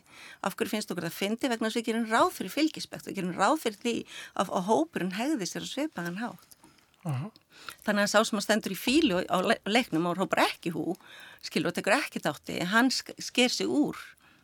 Einmitt. En þetta hefur ekkert með smit að gera. Þetta, þetta hefur með það að gera við hérna um, höfum gaman að því að vera í hópi fólks, við höfum gaman að því að fylgja eftir því sem að hópurinn er að gera og við förum vísvitandi inn í þessar aðstæður. Við smitumst ekki á þessu eins og flensu eða kvefi og erum óvart komin á völlin í íslenskan ból með trefil, skiluru. Þetta er, er ákvarðanir einstaklinga að taka þátt í svona hópum og, og hérna að skemmt okkur á þann hátt. og það er gott að tilheyra samfélagi eða hvað, fór ég hérna, var þetta lebon alveg í nótskurinn Já, er um blúsandi segur um lebonisma auðvitað gott að tilhera samfélagi sem að, já, e, e, það má best, að, það er allt, til þess að skilja hvað er gott og hvað er ekki gott, það er ágætt að snúa því á kvolf. Af hverju er einangur nótuð sem resing? Já, Já. Þannig við þurfum þetta. Við þurfum að vera í hópi, já. Já. Okkur líður vel ef að við erum, um, ef við höfum svona tilfinningu fyrir því að, að við tilherum hópi en enga síður að við höfum stjórn á einn lífi. Þetta er svona the need for relatedness og need for autonomy, svo ég tala nú aðeins sko aftur. Vi, við höfum þörf fyrir að tilhera hópum og líka þörf fyrir að stjórna okkar einn um, ferð í lífinu. en ef, ef við förum aðeins aftur að, að lebon, la, lagði hann til einhverja, einhverja lækningu af þessu smiti, eða var hann með einhverja smitvarnir eða hvað Og- frábær spurning, ég veit bara það þetta? ég veit það ekki. Líklega, svona- hann, hann náttúrulega vildi bara að fólk hætti þessu og, og hérna, og, og hérna kæmi aftur til siðgæðis, það var hérna, siðmenningin einhvern veginn var horfin úr þessum hópi fólks og hann vildi endilega að náttúrulega fólk væri líkara sjálfu sér í staðin fyrir að hlusta á hvað fólki, hver staða fólksins í raun og veri var. Ég sé hann alltaf svolítið fyrir mér í svona hvítu rjómakökuhúsi, horfa niður með teipallan og litla putta upp í loft sko, reyna að skilja hann skríl sem að fara að berjast fyrir því að fá eða svona let them eat cake stemning einhver. hann er sennilega verið bara stein hissa Já, hann skildi ekki til þessu. verið og fundið einhverja svo akalega flækjur Nei, sko, eh, maður verður að setja sér svolítið í þessi spór. Hann, hann um, á hans tíma er, er það mjög eðlilegt að, að líta á, á, á mannskeppnuna sem mjög þrepaskipt fyrirbæri. Hvíti karlmaðurinn er á tóttum og honum finnst það alveg augljóst. Hann hafði stundað svona einan gæsalappa mannfræði rannsóknir þar sem hann hefði ferðast um og, og skoða ólíkar hauskúpur og lögun og fólki og komst að þeirri niðurstöða sín var best. Og hérna og hvíti maðurinn þar af leiðandi ætti að, tróna á tóttnum yfir annað mannfólk. Og svo var hann búin að raða, þetta var svona hérna hans fyrir tíma verk sko, mannfræði rannsóknir aftur rannsóknirna gæsalafa hérna það sem hann búin að raða fólki í hérna um, svona veldis þrep uh, og honum fannst það eðlilegt að þetta fólk ætti ekki að vera að byggja um eitthvað meira því að það átti að eiga heima í því þrepi sem það var í. Og, að, og það fólk átti samkvæmt hans hugmyndum að sætta sig bara við það að vera þar. Ekki, ekki rugga bátnum ekki fyrir að rukka þessum bát Og það var hans vísindalega niðursta. Já, já, vísindalega, já, á, á þeirra, eh, þess tímamáli, sko, í dag náttúrulega er ekki í lægi að, að setja fram svona kenningar án þess að vera með einhver gögn sem að styðja uh, fulliringar af þessu tægi. Þetta slippa ekki í gegnum fræðamanni samfélagi.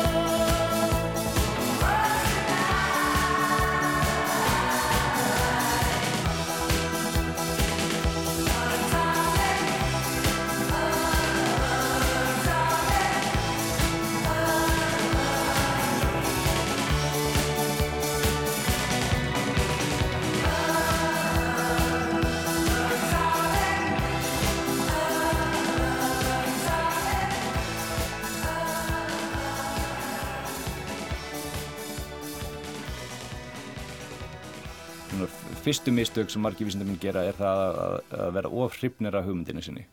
Þannig að finnst hugmyndin svo frábær að þeir hafa tilhengu til þess að, hérna, að horfa á hann í rósröðu ljósi og samþykja allt sem að stýður hana en einhvern veginn lækka vergildi annara atriða sem að reykjana sem er náttúrulega ekki, það er ekki mjög ströng nálgun. Það er, það er mjög varhugavert. Uh, er náttúrulega hérna það er líka þannig að, að vísindamenn fara stundum út af spórinu ef þeir eru svona komnir af heimavelli. Ef að þú ert kannski hérna, jarðefnafræðingur og ert mjög góður jarðefnafræðingur en fyrir allt í einu að spá í hvernig hérna, eh, lífverur virka eða hvernig hérna, sólkerfin starfa eða eitthvað slíkt þá, þá ertu komin af heimavelli. Þú ert kannski ekki með grunnþekkingu á fyrirbærum. Þú ert með einhverja hugmynd en þú áttar þig ekki á því að hún passa bara ekki inn í heimsmyndina. Menna það, en, að, það þarf alltaf að taka einhverjar hugmyndir að tilgátur og setja þær inn í heimsmyndina. Það er engin í dag sem að setja fram vísindilega tilgátur sem byggir á því að jörðin sé flöt. Nei, eða á því að hérna, að hlínun jarðar eða lofslagsbreytingar séu ekki að völdum kóltvíildi sem mann, maðurinn sett út. Menna engin hérna, gegn vísindamaður gerir slíkt. Þótt að sé náttúrulega fullt af einhverjum pólitíkusum og einhverjum sérhagsmunapóturum sem gera það. Eða gefa í skina þessi einhver óvisa um lofslagsvísindi til dæmis. Þannig að það verður alltaf að setja hlutina í samhengi. Og hérna, ef vísindamenn eru komnir út af sínum heimavelli og eru farnir að hérna, að fabuleira um einhver atriði sem að þeir eru ekki hérna, styrkir í þá, þá er oft geraður oft þessi mistök. Og þetta eru mistök sem að hérna, anstæðingar lofslagsvísinda eru flestar að gera. Ef þú horfir á anstæðingar lofslagsvísinda þá eru þeir yfirleitt þjálfaðir í einhverjum öðrum geirum en veðurfræði og lofslagsvísindum þeir koma úr einhverjur eðlisefnafræði eða einhverju hagfræði eða, eða pólitík eða eitthvað slíkt. Og hérna og eru að gaggrina lofslagsvísindin en eru ekki að gera það á réttum forsendum. Nei ekki, ekki með rökum. Ekki, já, þeir, þeir nota þeir nota einhver ekki rök, rök, ekki rök en þau eru ekki að virða hérna, vísindalega samtalsæfð en það má svo sem líka hérna, veltaði fyrir sér margir þeirra eru á spena stórfyrirtækja og þeir kannski hérna, upplifa sér sem hérna, bóðbera sannleikans en í raun og veru er að ganga erinda hérna, fyrirtækja eða sérhagsmuna og kasta rýrða á lofslagsvísindi eða sköpunarkenningu eða hérna, tóbaksvísindi eða hvað sem það er hérna. Já, þannig að það er, það er mikilvægt að það sé ekki einhverjir hagsmunir Uh, þannig að þetta sé svona í, já, hafið yfir vafa Já, þessi, þessi hreinu óháðu vísindi að Já. þú sért að leita að sannleikanum ekki ekki kannski einhverju ákveðnu eins og, eins og hann talar um að vera ekki að stinga hún í skuffu niðurstöðum sem henda þér ekki Mhm. og það er, og svo er það nú einu sinni þannig að til að framkvæma einhverja rannsóknir þartu pening, að þetta er dýrt Einmitt. og það er kannski hérna þetta tvíækja sverð sko. Þegar ég er að borga þér fyrir að rannsaka eitthvað og niðurstöðnar eru mikilvægar fyrir mannkynið Mhm. en uh, þá er hætt við því að, að þú þóknist uh, þessum herra, það er ekki hægt að hafa tvo herra sko, Nei, ef að niðurstöðnar eru líka mikilvægar fyrir sko bankareikningin þinn já, já, þá, þá kannski þá er komin ákveðin svona árekstur. Já það, það er sem er hættur en það er það sem að hinn hinn hreinu vísindin vísindarlega aðferð sem er besta tæki sem við höfum í dag til að komast að sannleikanum eh, er hvað ég að segja, hún er þetta, er, þetta er hættulegt þetta er, þetta er viðkvæmur blettur. Já, hann talaði líka um það Arnar Pálsson sko að þeirra menn hérna rétt á hann að þeirra, þeirra menn uh, fara já, út fyrir sitt sérsvið kannski að menn sem að svona er, hafa verið að, að, gaggrina ímis ímisvíst eins og nefnd á loftslagsfræði, já, til dæmi sko að þeir koma kannski úr öðrum Já, þegar hagfræðingarnir og stjórnmálamenninni fara að nota sín rök og sína orðræðu Já. yfir eitthvað sem er, er veðurfræði. Þá allt í einu, já, fara menn svona þá er þetta að menn fari kannski út af spórunu já, já, já, Já, getur verið. en þeir eru að hlusta á þáttinu vísindi á villigutum á nýjástegi mm ég heiti Guðmundur Pálsson. Og ég heiti Vilhelm Anton Jónsson. En að þau vorum að tala um að fara út af spórinu já, skulum gefa Arnari Pálssoni orðið aftur. Já, vísindamenn geta farið út af spórinu á, á nokkra vegu. Ein leið er svo að þeir blindist af einhverjum hugsunum hérna, og þá hérna, uh, er kannski þekktasta dæmið Lysenko sem að hérna, starfaði í Sovjetríkjunum og hérna þá þannig að hann laði fram hugmyndur um að hérna að atlæti móti mannin og atlæti er þá eiginlega eitthvað eins og umhverfi að umhverfi skipti meira máli og hérna heldur en til dæmis erðir eða upprunni og þetta er náttúrulega nátengt kommunískum hugssjónum að allir séu jafnir. Og hérna því miður þá hérna fóru fekk Lísangó stöðu innan hérna, Sovjetríkjana þar sem hann hafði áhrif á landbúnaðar hérna, stefnu ríkjana og, og grundvallar hugmyndi var svo að bara með því að breyta aðbúnaði á ökrum fyrir plöntunar þá myndi það einhvern veginn hérna, stöðlaða betri uppskeru. En þeir hann algjörlega út af hugsunaðastæðum uh, útilokaði áhrif erða mestur framgangur í ræktun eða stór hluti af framgangi í ræktun á, á síðustu öld var einmitt að velja út betri afbreyði sem að henduðu ákveðinu svæðum eða skiluðu meiri hérna, kortni eða eitthvað slíku. Svona allræmdasta fól uh, vísindarsögunar, Trófim Lysenko, uh, sem að, að já, er svona öruglega í, í svona dýfsta viti, danteiska viti uh, vísinda heimsins. Þetta er Stefan Pálsson, sagfræðingur, hann er komin ykkar til að segja okkur allt um þennan, já, hvað að segja, allræmda vísindabann. Al, alræmda, já, Já, er mjög, mjög gott? gott, Al, alræmda Í rauninni er það sjálfstætt svona rannsóknarefni hvernig úkrænskur plöntu líffræðingur getur komist á, á þann stað að verða svona uh, annálaðasta illmenni gjörvallrar vísindasögunar. Vissulega var hann mjög vondur maður en kannski fræð hans en nú svona kannski nokkuð úr samhengi við svona þátt hans í sögun. Ásir kannski það aldrei þá sögu uh, þann, þann bakgrunn að uh, vísenda heimsbyggingar sérstaklega uh, þeim er náttúrulega mjög umhugað um að ræða hver sé kjarni vísindana og, og, og, og margir þeirra hafa vilja leggja áherslu á það að vísindin séu á einhvern hátt svona hafinn yfir skoðanir, trúabröð, uh, samfélag að, að það sé rauninni, sé til einhvern svona ein, hrein vísindi uh, án samhengis. Þetta er nokkuð sem að svona vísinda sakfræðingar og vísinda félagsfræðingar velta sér ekkit mikið upp úr.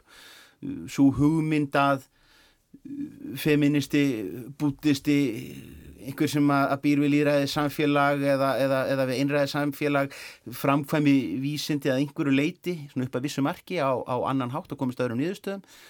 Hún er ekkert svo augrandi fyrir þessa fræðagreinar en, en heimsbyggingunum hefur fundist þetta frekar óþægilegt og þeir hafa viljað sína fram á að þetta væri einhvern veginn svona, það væri þessi stóri kjarni. Og til þess að styðja það mál, þá þurfti náttúrulega að hafa einhver sínidæmi það þurfti að finna eh, sínidæmi um vísindi sem að lendu á alvarlegum villigötum vegna þess að þau væru drífin áfram af einhverju annari utan að koma til hugsun.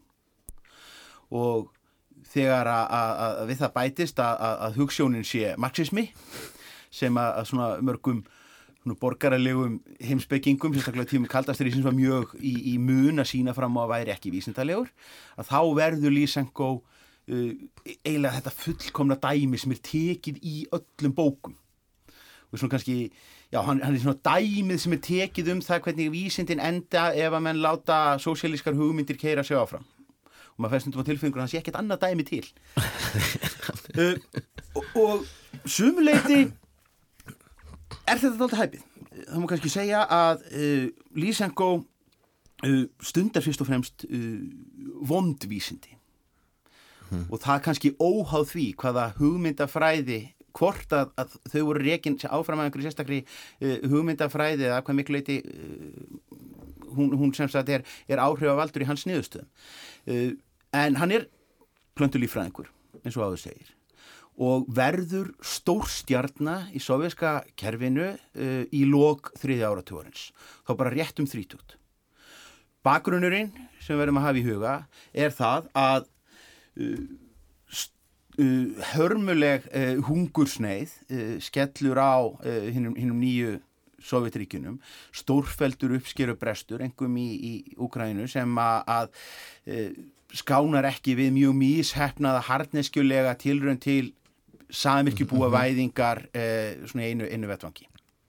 Uh, uppskera fellur þessi gamla matarkista uh, lendir í því að- uh, já, bara Sovjetríkinu farin að flytja einn kort frá bandaríkinu bara til þess að bröðfæða sig Úkraðin er á þessum tíma bara forða búr Sovjetríkja hafði verið þetta, já, verið þetta forðabúr og svo, svo hérna uh, lenda menn í, bara verulegri neyð og, ímsi samverkandi þættir sem að, ollu því. Þannig að þegar að kemur uh, ungur uh, ungur uh, segja heimamaður, ungur hérna Úkrænu drengur af, af, af bara alþýðu ættum og býður fram lausnina að þá er mjög skiljanlegt að kerfið sé til í að stökkva á það.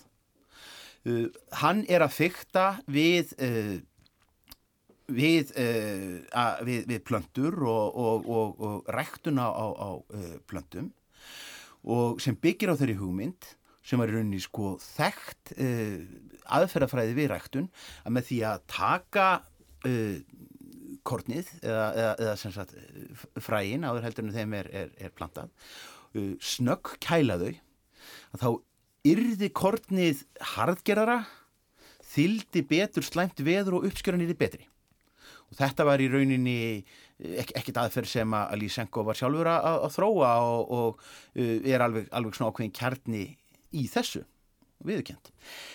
Vandin var eins og að sá að Lysenko trúði ekki á erðir. Hann trúði ekki á genin sem að, að Mendel uppgötaði og vildi þess vegna meina að það væri ekki bara hægt að bæta uppskeru þess kort sem að væri meðanlega með þessum hætti, heldur skilaði þetta sér áfram yfir til næstu kynnslóður.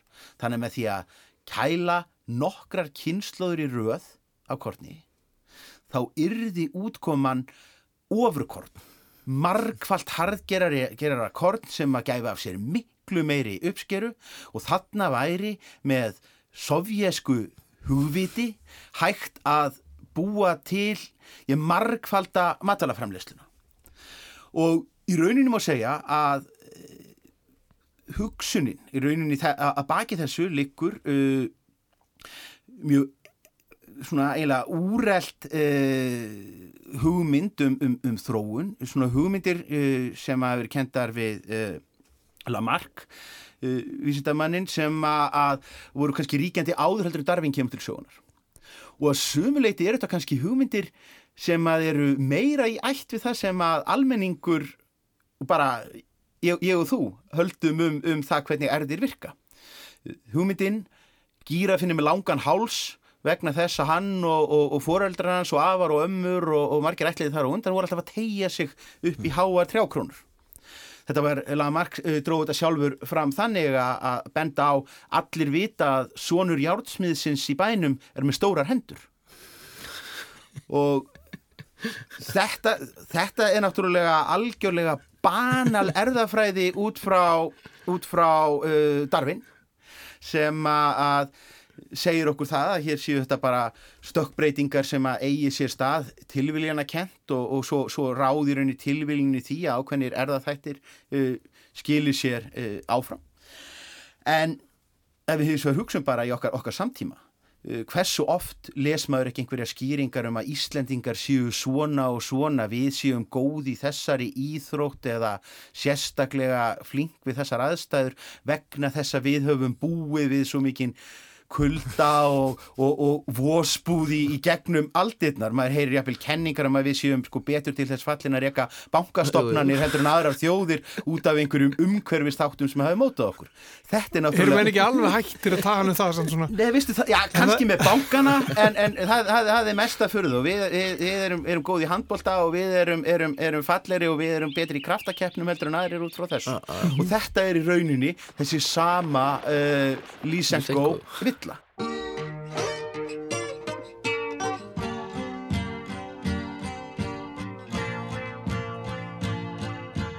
Words are flowing out like endless rain into a paper cup. They slither wildly as they slip away across the universe. Pools of sorrow waves of joy are drifting through my opened mind, possessing and caressing me.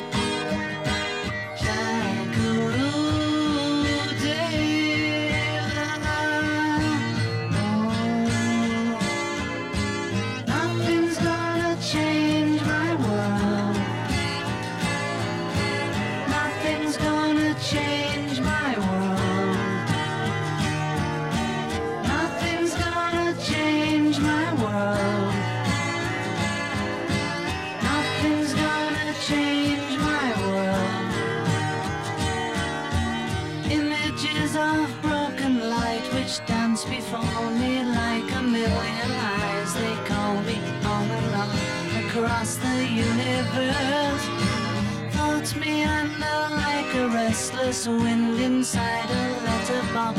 They tumble blindly as they make their way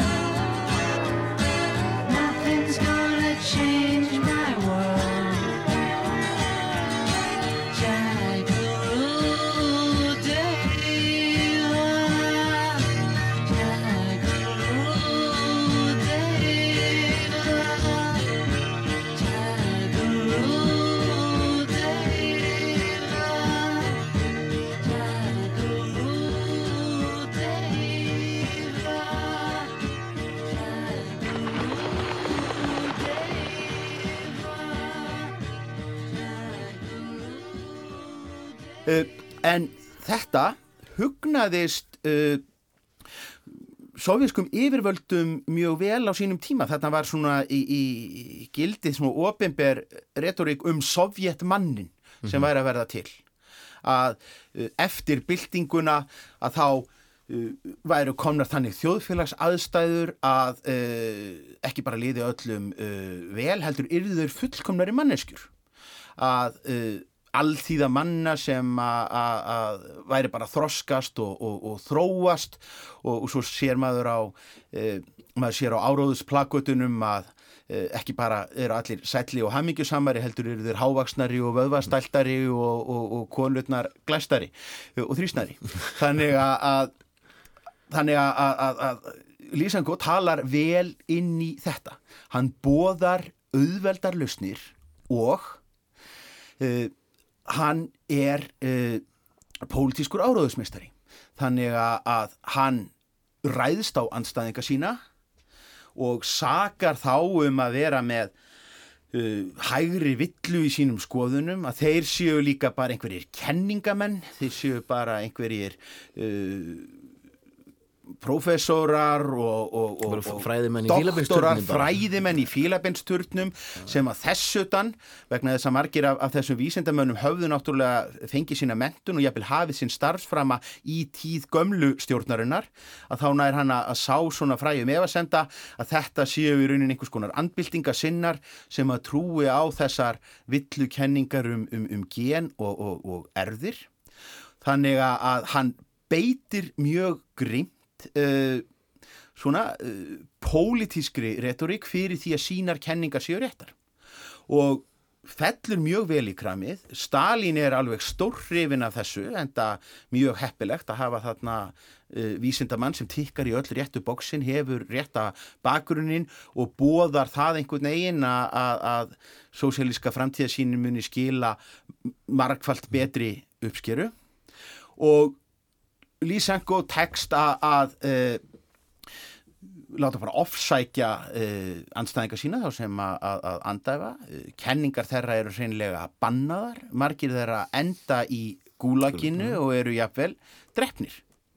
Og þessutan vegna þess að uh, Lysenko í, í, í stu, krafti stöðu sinnar sem hann fær í gegnum pólitíkina, þá þarf hann ekkit að sína sín gögn.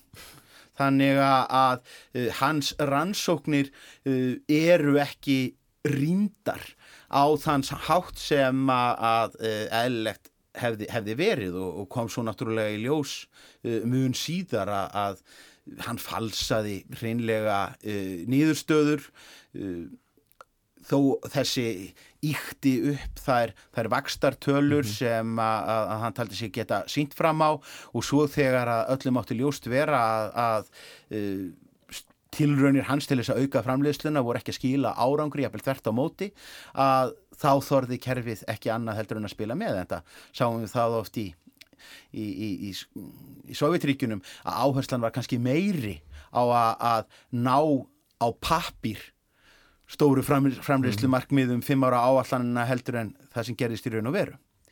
Og það er í rauninni ekki fyrir en uh, töluvert eftir að Khrushchev er komin til valda og, og Stalin uh, komin yfir móðuna miklu að uh, já, já, þá fyrst eftir að, eftir að Khrushchev kemur að þá byrja nú svona önnur sjóna með að láta á sér kræla. Uh, hefðbundir erðafræðingar uh, fara þóra að láta í sér heyra. Og svo að lokum þegar að er orðin gamall maður að þá endar á að vísindarsamfélagið snýst gegn honum að nákvæmlega sama krafti og hann hafði áður beitt gegn, öðrum. Hann er fordæmdur sem lottari og svikari og svo að lokum þegar að, að hann deyr uh, snemma á, á 8. áratugnum þá fær hann bara svona tvær línur í, í svestja og, og, og uh, er svona búið að stríka hann kerfisbendið út úr, út úr bókum og Lysenko hann ber ábyrð á því að, að uh, sérstaklega er, erðafræði og, og uh, lífísindi í uh, Sovjetríkjunum uh, þróuðust mun mun hægar heldur en gerðist í, í uh, löndunum, eða gerðist á, á, á, vesturlöndum og, og, og, heldur en gerðist í mörgum öðrum vísindakreinum þar sem að, að sovjetmenn voru mjög framalega. Og þetta, þetta er skæðin frá Lysenko.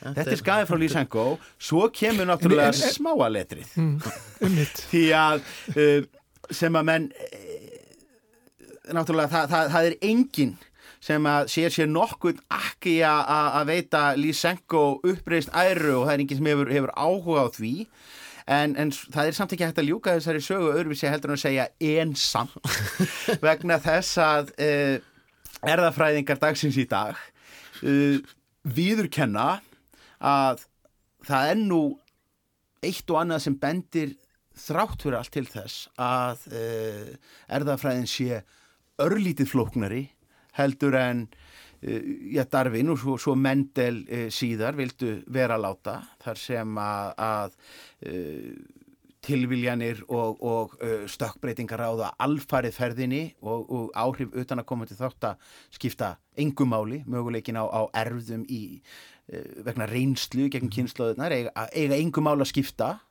En við sjáum þó ákveðin dæmi um það að, þetta hafi áhrif, það var eh, kunn rannsók sem að gerða á, uh, á hollendingum. Uh, hollendingar uh, voru áttu eins og, eins og margar þjóðir á, á árum síðari heimstyrjaldarinnar. Þar var matarskortur og, og, og, og hungur og vannæring sem að skilaði sér að þér virðist í því uh, að ekki afkomendur þeirra sem að lendi því hungri heldur barnabörnin eru lægri. Hollendingar meðalhæð hollendinga uh, lækkaði uh, merkjanlega sem að menn hafa ekki getað skýrt öðruvísi heldur en sem einhvers konar erðafræðilegt uh, viðbragð við þessum þessari utanakomandi ógn sem að, að, að hungrið var að því sögðu þó að menn viður kenni að, að það sé einhvað þarna, einhvað sem þurfa að skoða betur og, og rannsaka uh, þá er það engin afsökun fyrir Lysenko sem að var náttúrulega fyrst og fremst bara plöntufræðingur og verulegum villigötur Ei, hvað tökur svo sem mark á þér? Þú ert nú bara sagfræðið. Takk fyrir komuna, Stefán Bálsson. Whenever life gets you down, Mrs. Brown, and things seem hard or tough, and people are stupid, obnoxious, or daft, and you feel that you've had quite enough,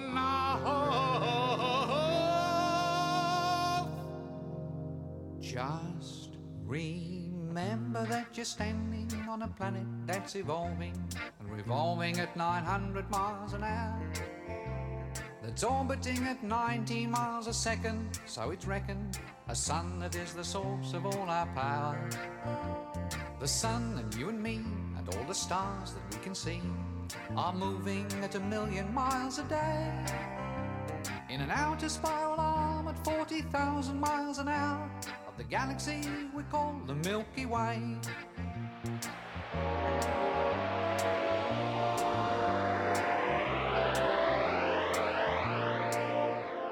Our galaxy itself contains a hundred billion stars.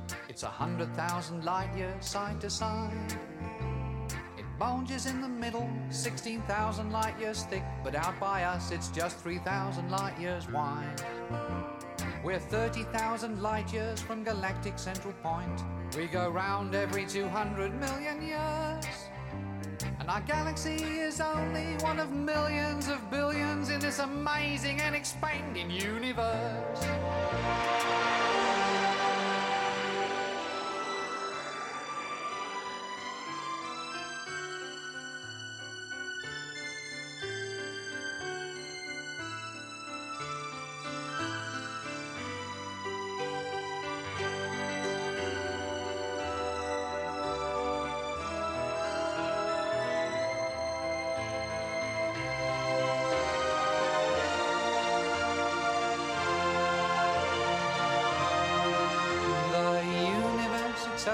On expanding and expanding in all of the directions it can whiz. As fast as it can go, at the speed of light, you know. 12 million miles a minute, and that's the fastest speed there is. So remember when you're feeling very small and insecure, how amazingly unlikely is your birth. And pray that there's intelligent life somewhere up in space, cause there's bugger all down here on Earth. Já, Stefán Pálsson var að segja okkur frá uh, Lysenko, Lysenko þessum, þessum isma sem er kendur um hann. Lysenko-isma.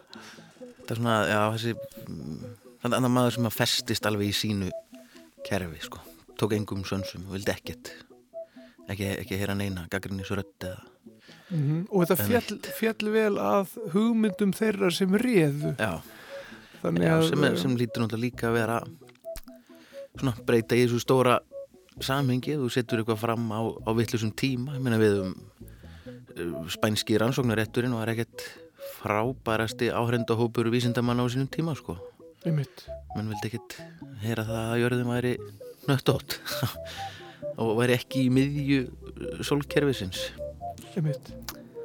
Þetta er, uh, já, þetta, þetta er svona, þarna er, þetta dæmum vísindamann sem verður óbáslega hrifin af eigin hugmyndum. Kannski ástfangin af, eigin hugmyndum. M mögulega, mögulega Og tilbúin að ganga ansi langt. já, eins og í þessu tilfelli hann ætla bara að drepa fólk það var ekkit mikið flóknar en það einmitt. Eða svona, já, um, já, fólk, fólk uh, svona þurft að líða fyrir þessar, þessar miklu samfæringu já, já. hans. og eins og segir, þetta er, þetta er mjög gott dæmi þegar menn verða já, hugfangnir blindast bara af, af eigin hugmynd. Já, hann er þessi, þessi, þessi tengsl sko tilfinninga og, og, og, og vísinda og, og svona eigin hugmynda. Já, þú hleypir til, þetta, eiga, þetta er ekki hreinu og, og stálköldu vísindi, sko, þarna hleypur tilfinningunum inn og ferða grugga vatnið. Já, hjartaræður. Hjartaræður. Arnar Pálsson, hann uh, veltir þessu aðeins fyrir sér. Hleypum honum að. margir hérna, vísindamenn þeir hafa sem tengjast á, á hugmyndi sínum einhverjum tilfinningaböndum það verður það verður tilfinningamál að hérna, þeirra, þeirra tilgáta eh, þeir upplifa sína tilgátu sem, sem mjög góða og hérna, halda hún sér réttust og hafa þá tilfinningu til þess að, hérna, að, að, að horfa bara á gögn sem að sannreinana en hafna þeim sem afsannana og hérna og það hérna getur leitt menn í ótrúlegustu ógöngur. Menna deila pastors við vítalistana til dæmis. Menna, þá, þau bara vildi ekki sleppa þótt að vera í eina, eina yfirþyrmandi gang sem bentu í, í hina áttina. Og, og, og það er fleiri dæmi um það sem að eldri ken, kenningar svona neita að deyja yfirleitt vegna þess að forkólvar þeirra neita að deyja. Þannig að þeir hugmyndin að lifa með forkólunum Þannig að menn eru- orðnir svo, hvað var að segja, þeir eru svo, já, hrifnir af sínum eigin hugmyndum eða þeir eru stundum að setja sko, menn, menn séu giftir hugmyndinni sinni eða hvað. Já, þeir eru, já, má segja þessu giftir hugmyndinni eða þeir ná ekki að skilja milli sín og hugmyndina sinna. En að það er mjög mikilvægt að vísindamenn hérna, tengist ekki hugmyndunum tilfinningaböndum að því að þá, hérna, þá, þá hætta þeir að hugsa hlutlægt og vera ekki sjálfskakrinir. Eh, Tilfinningarnar, þær eru samt ekki, ekki alltaf klafi að því að hérna, til þess að hérna, að prófa einhverja tilgátu þá þarf ákveðið drif og þá þarf ákveðina tiltrú. Menn það er fullt af hérna, vísindamenn sem að hérna, leggja stað með litla og mjög skrítna hugmynd sem kannski gengur gegn einhverjum hérna, viðteknum staðrendum en í krafti tiltrúnar halda þær áfram. Þeir, þeir vinna þótt að hérna, þótt að vísindarsamfélagi kannski hafi ekki mikla trú á þeim og svona í setni tíð þá hérna mætti hugsa um hérna Barry Marshall og Robin Warren sem fengur Nobelsvölinu 2005 þeir voru læknar sem að vera að vinna í Ástralíu og hérna voru að skoða magabólgur og hérna magasár. Og þá var hérna þá sögðu fræðingar þess tíma að í maganum væri svo mikið að síru og þar geta engar bakteríu þrifist þess vegna væri magasár hérna öruglega ekki afleðing af einhverjum bakteríusýngum en hérna þeir skoðuðu síni úr sjúklingum þeir sáu bólgur og þeir sáu einhverjar bakteríur. Hérna, síðan þegar kynntu hugmyndirna þá, þá mætti það mikill mótspyrnu. Hérna, fólk var ekki tilbúið að hérna, viðkynna þetta sem hérna, að einhver bakterja illi magasári. En hérna með því að, að, að, framkama ítrekka tilhörnir, lýsa niðurstónum sínum og sannfæra aðra vísindamenn og þá hérna þá á endanum áttu okkur á því Helicobacter pylori er bakterja sem að ítur undir hérna magasár og bólgur og veldur, vel, veldur hérna skjálfilegum kvillum. Og þá náttúrulega þá fjall gamla kenningin og svo nýja hérna náði, náði brutargengi Það þraut sig að skipti líka máli. þraut sig að skipti líka máli já. She packed my bags last night, pre-flight. Zero hour, 9 a.m. And I'm gonna be high as a kite by then.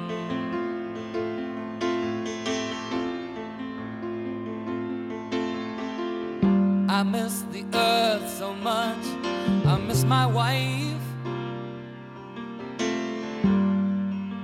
It's lonely out in space on such a timeless flight.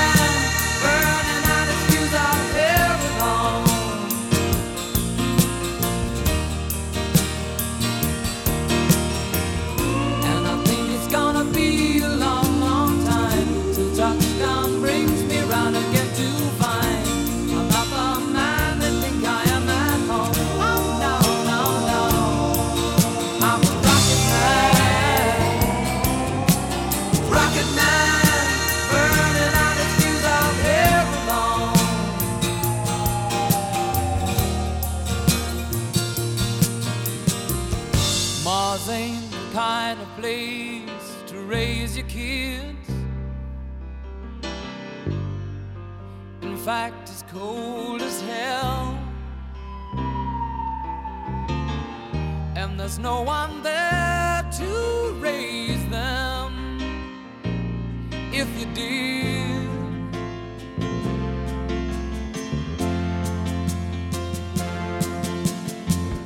And all the science I don't understand. It's just my job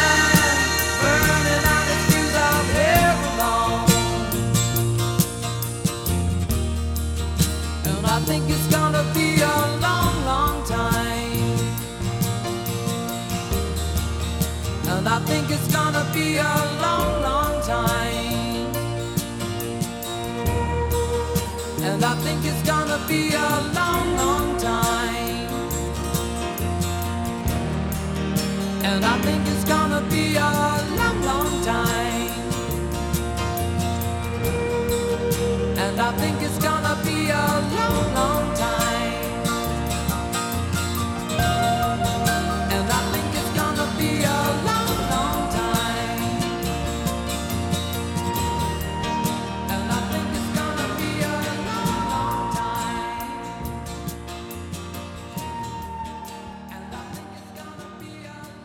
hinn vísindur aðferð svona, hún hefur þróast og, og vísindin við, við treystum svolítið mikið á vísindin.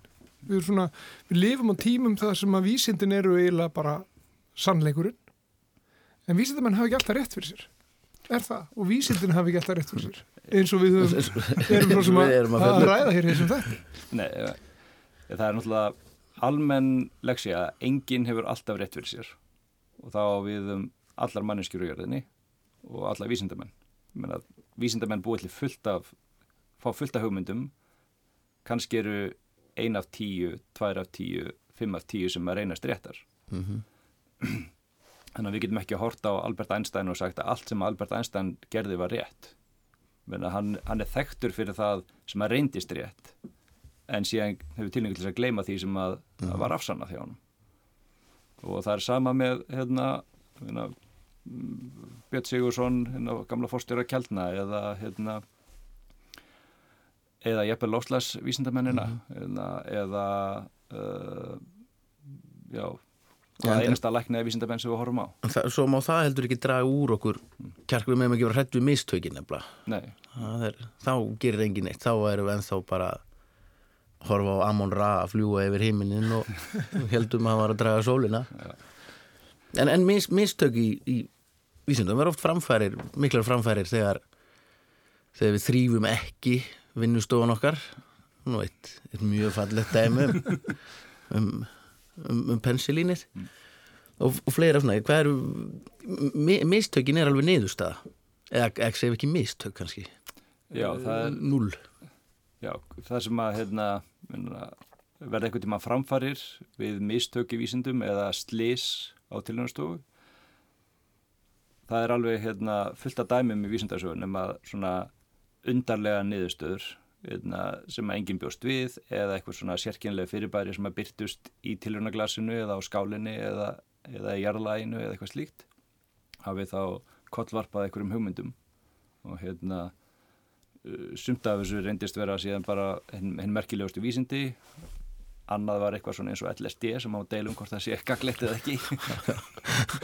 Þannig að, þannig að uh, ég held að Louis Pasteur hafi talað um þetta sko, að þannig að það, það er alltaf eitthvað, það getur fullt af undarlegu gerst á, á, á tilhörnastofu en hérna tilviljunin hún hjálpar þeim sem er tilbúin. Þannig að ef, ef að vísindamæðurinn er tilbúin og átt að segja að hérna er eitthvað sérkynlegt frávik og, og, og gera sér grein fyrir að þetta gæti kollvarpað einhverju hugmynd og síðan fyrir að rekja þræðina, reyna að finna út hvað liggur að baki hérna, hvers vegna hérna, hvernig að sofa, hvers vegna sofa þessir ormar á daginn en þeir eiga að sofa á nóttunni eða eitthvað slíkt hérna, þá hérna ef þeir rekja þræðin og uppgöta síðan eitthvað nýtt þá, hérna, þá var það tilviljun sem að, hérna, kveikti neistan en síðan þarf náttúrulega alltaf sko vísindarlega nálgun hérna, Mhm. manneskjur eða, eða hópa til þess að hérna, rekja þræðina og hérna, fylgja vísbendingun eftir mjög- mjög falleg setningi sér hérna tilvílunum hjálpar þeim sem eru tilbúni sko. að hérna, þú verður að þekkja frávikið þú verður að vita að þetta er óvenjulegt ekki bara nú, já, er þetta alltaf svona Mhm. það er sem er mjög og svo getur þú verið að rannsaka eitthvað eitt en, en komist að einhverju sem er algjörlega ótengt sko, í rauninni, eða hvað já, já, já, já. og, einhver annar getur, getur lesið niðurstöðunin og hugsa bara, heyrðu þetta getur nátt við hérna í, í, í mínu tilfelli, þar sem ég er að rannsaka.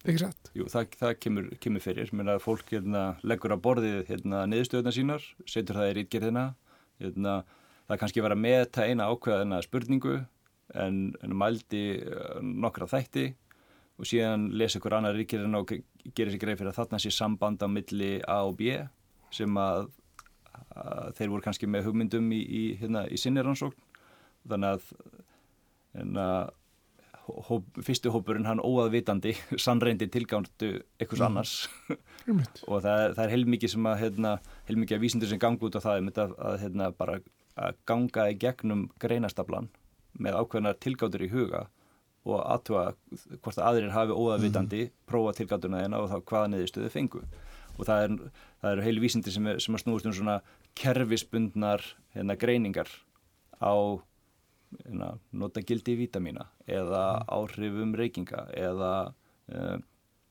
félagsleira þátt á langlífi eða eitthvað slíkt. Með því að samþætta margar stúdíur þá hérna, getum við oft greint minnstur sem að hérna, kannski lágu ekki að borðinu í upphafi. Fólk hérna, það, það, það framkvæmdi rannsóknun ákveðin hátt og allir mældu virkni í lifur og voru með aldur og þá getur við séð eitthvað hvernig hérna, virkni í lifur breytist með aldri, eitthvað sem að fólki upphafi var ekki að spá í kannski.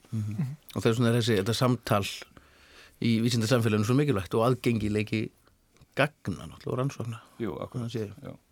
sé allt upp á borðið sko. Já, þannig að ef við, ef við hugsaum um það að hvernig vísindin fara út af sporinu en það er náttúrulega oft þannig að einhverju einstaklingar geta farið út af því að þeir hérna, eins og við sögum giftast hugmyndinni sinni og eru ekki gaggrinir eh, líka þannig að þeir kannski þeir gera sér ekki grein fyrir einhverjum forsendum eða forsendu bresti sem að hérna loftkastalinn eða þá hugmyndaheimurinn þeirra byggir á. Og þá, þá getur það allt saman kollsteifst þeir hérna, byggja upp einhvern gríðalegan hérna, hugmyndaheim sem að, sem að passar ekki við einhverja forsendur og þannig getur þá kollsteifst en að vísindar samfélagi heild á að hjálpa til við að hérna, steipa svoleiðis hérna, hérna, hugmyndum eða raungum tilgátum hérna, náttúrulega við getum ekki treyst á hvernig einn einast einstakling að þeir hreinsi til en það er samfélagið sem að með því að miðla greinum, spyrja gaggrina spurninga um rannsóknir hérna, hvers og eins sem að á þá geta siktað frá hérna, greina kjarnan og kasta hisminu.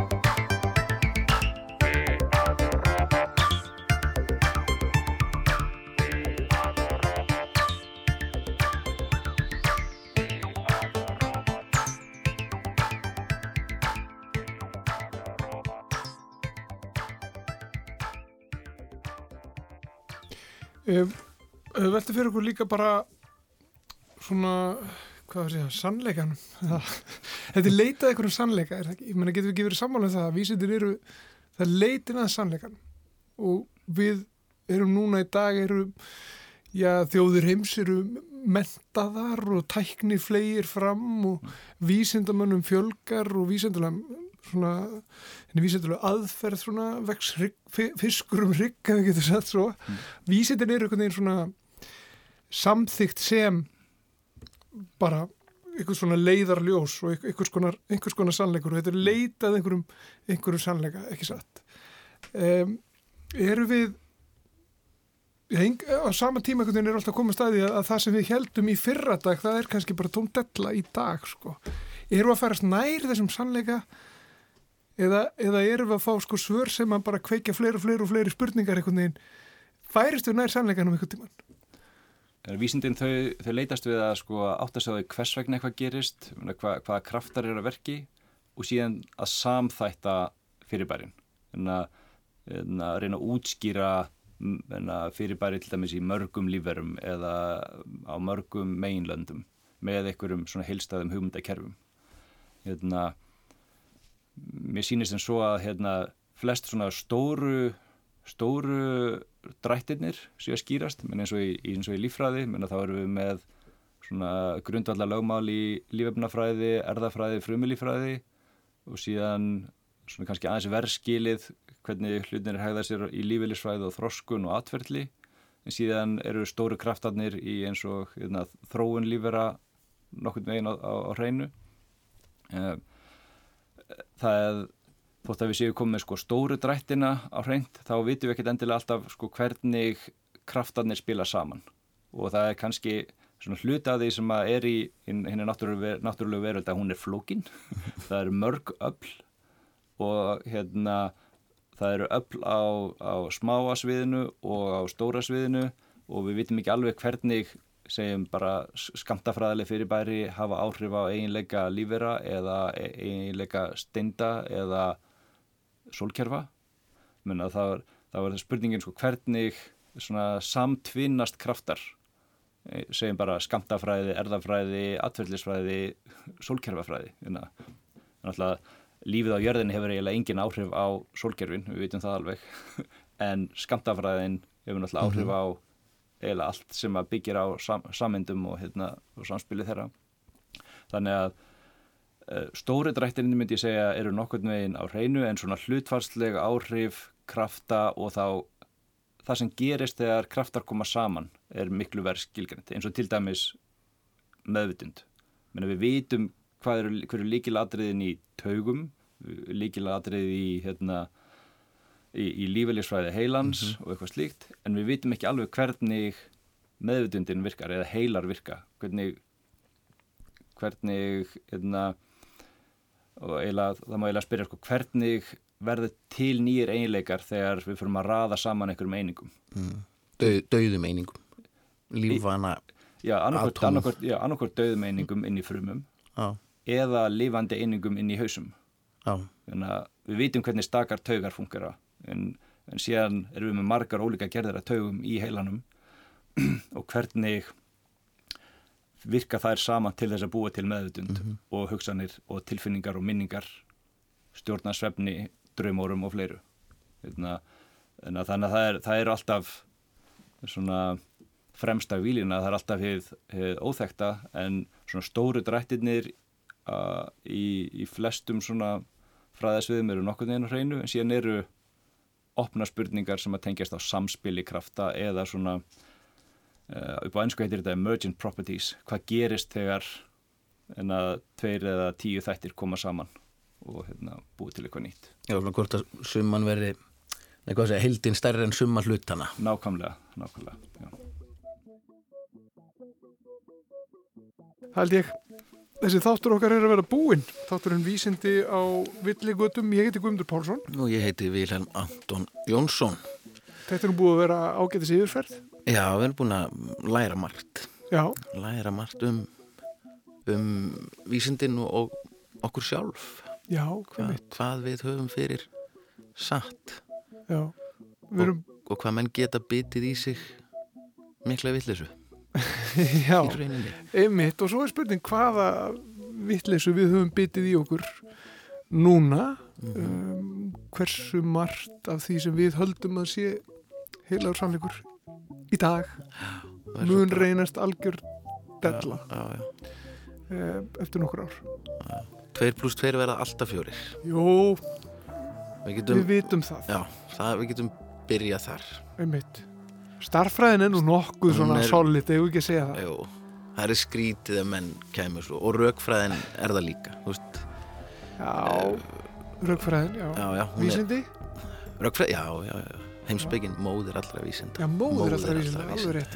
Heimspekin Akkurat. Hún er blaðið sem vísindin eru skrifuð á með tungumáli starfræðinar Það takið þetta með ykkur á kottan sko. Akkurat Það stefnir í annan þátt Já, já, já Heyrðu Já, mér. ef ekki að hóta því Við Eh, höfum lært margt er, Við lært, lært ímislegt og gaman að tala við allt þetta fólk við Já. tölum við Arnar Pálsson við tölum við um, Veru Illugadóttur uh, við Stefán Pálsson. Einmitt Ennit Pálsson. Og Rögnu Benediktu Garðarsdóttur. Og öllu þessu fólki þökkum við kærlega fyrir að hafa gefið okkur tíma sinn. Uh, Við ætlum að segja þetta gott. Uh, Við byggjum ykkur bara vel að lifa og, og gangi hægt um gleðinar dýr og allt það. Gleðilegt nýtt ár. Við heyrumst uh, síðar. Takk fyrir að hlusta. Bless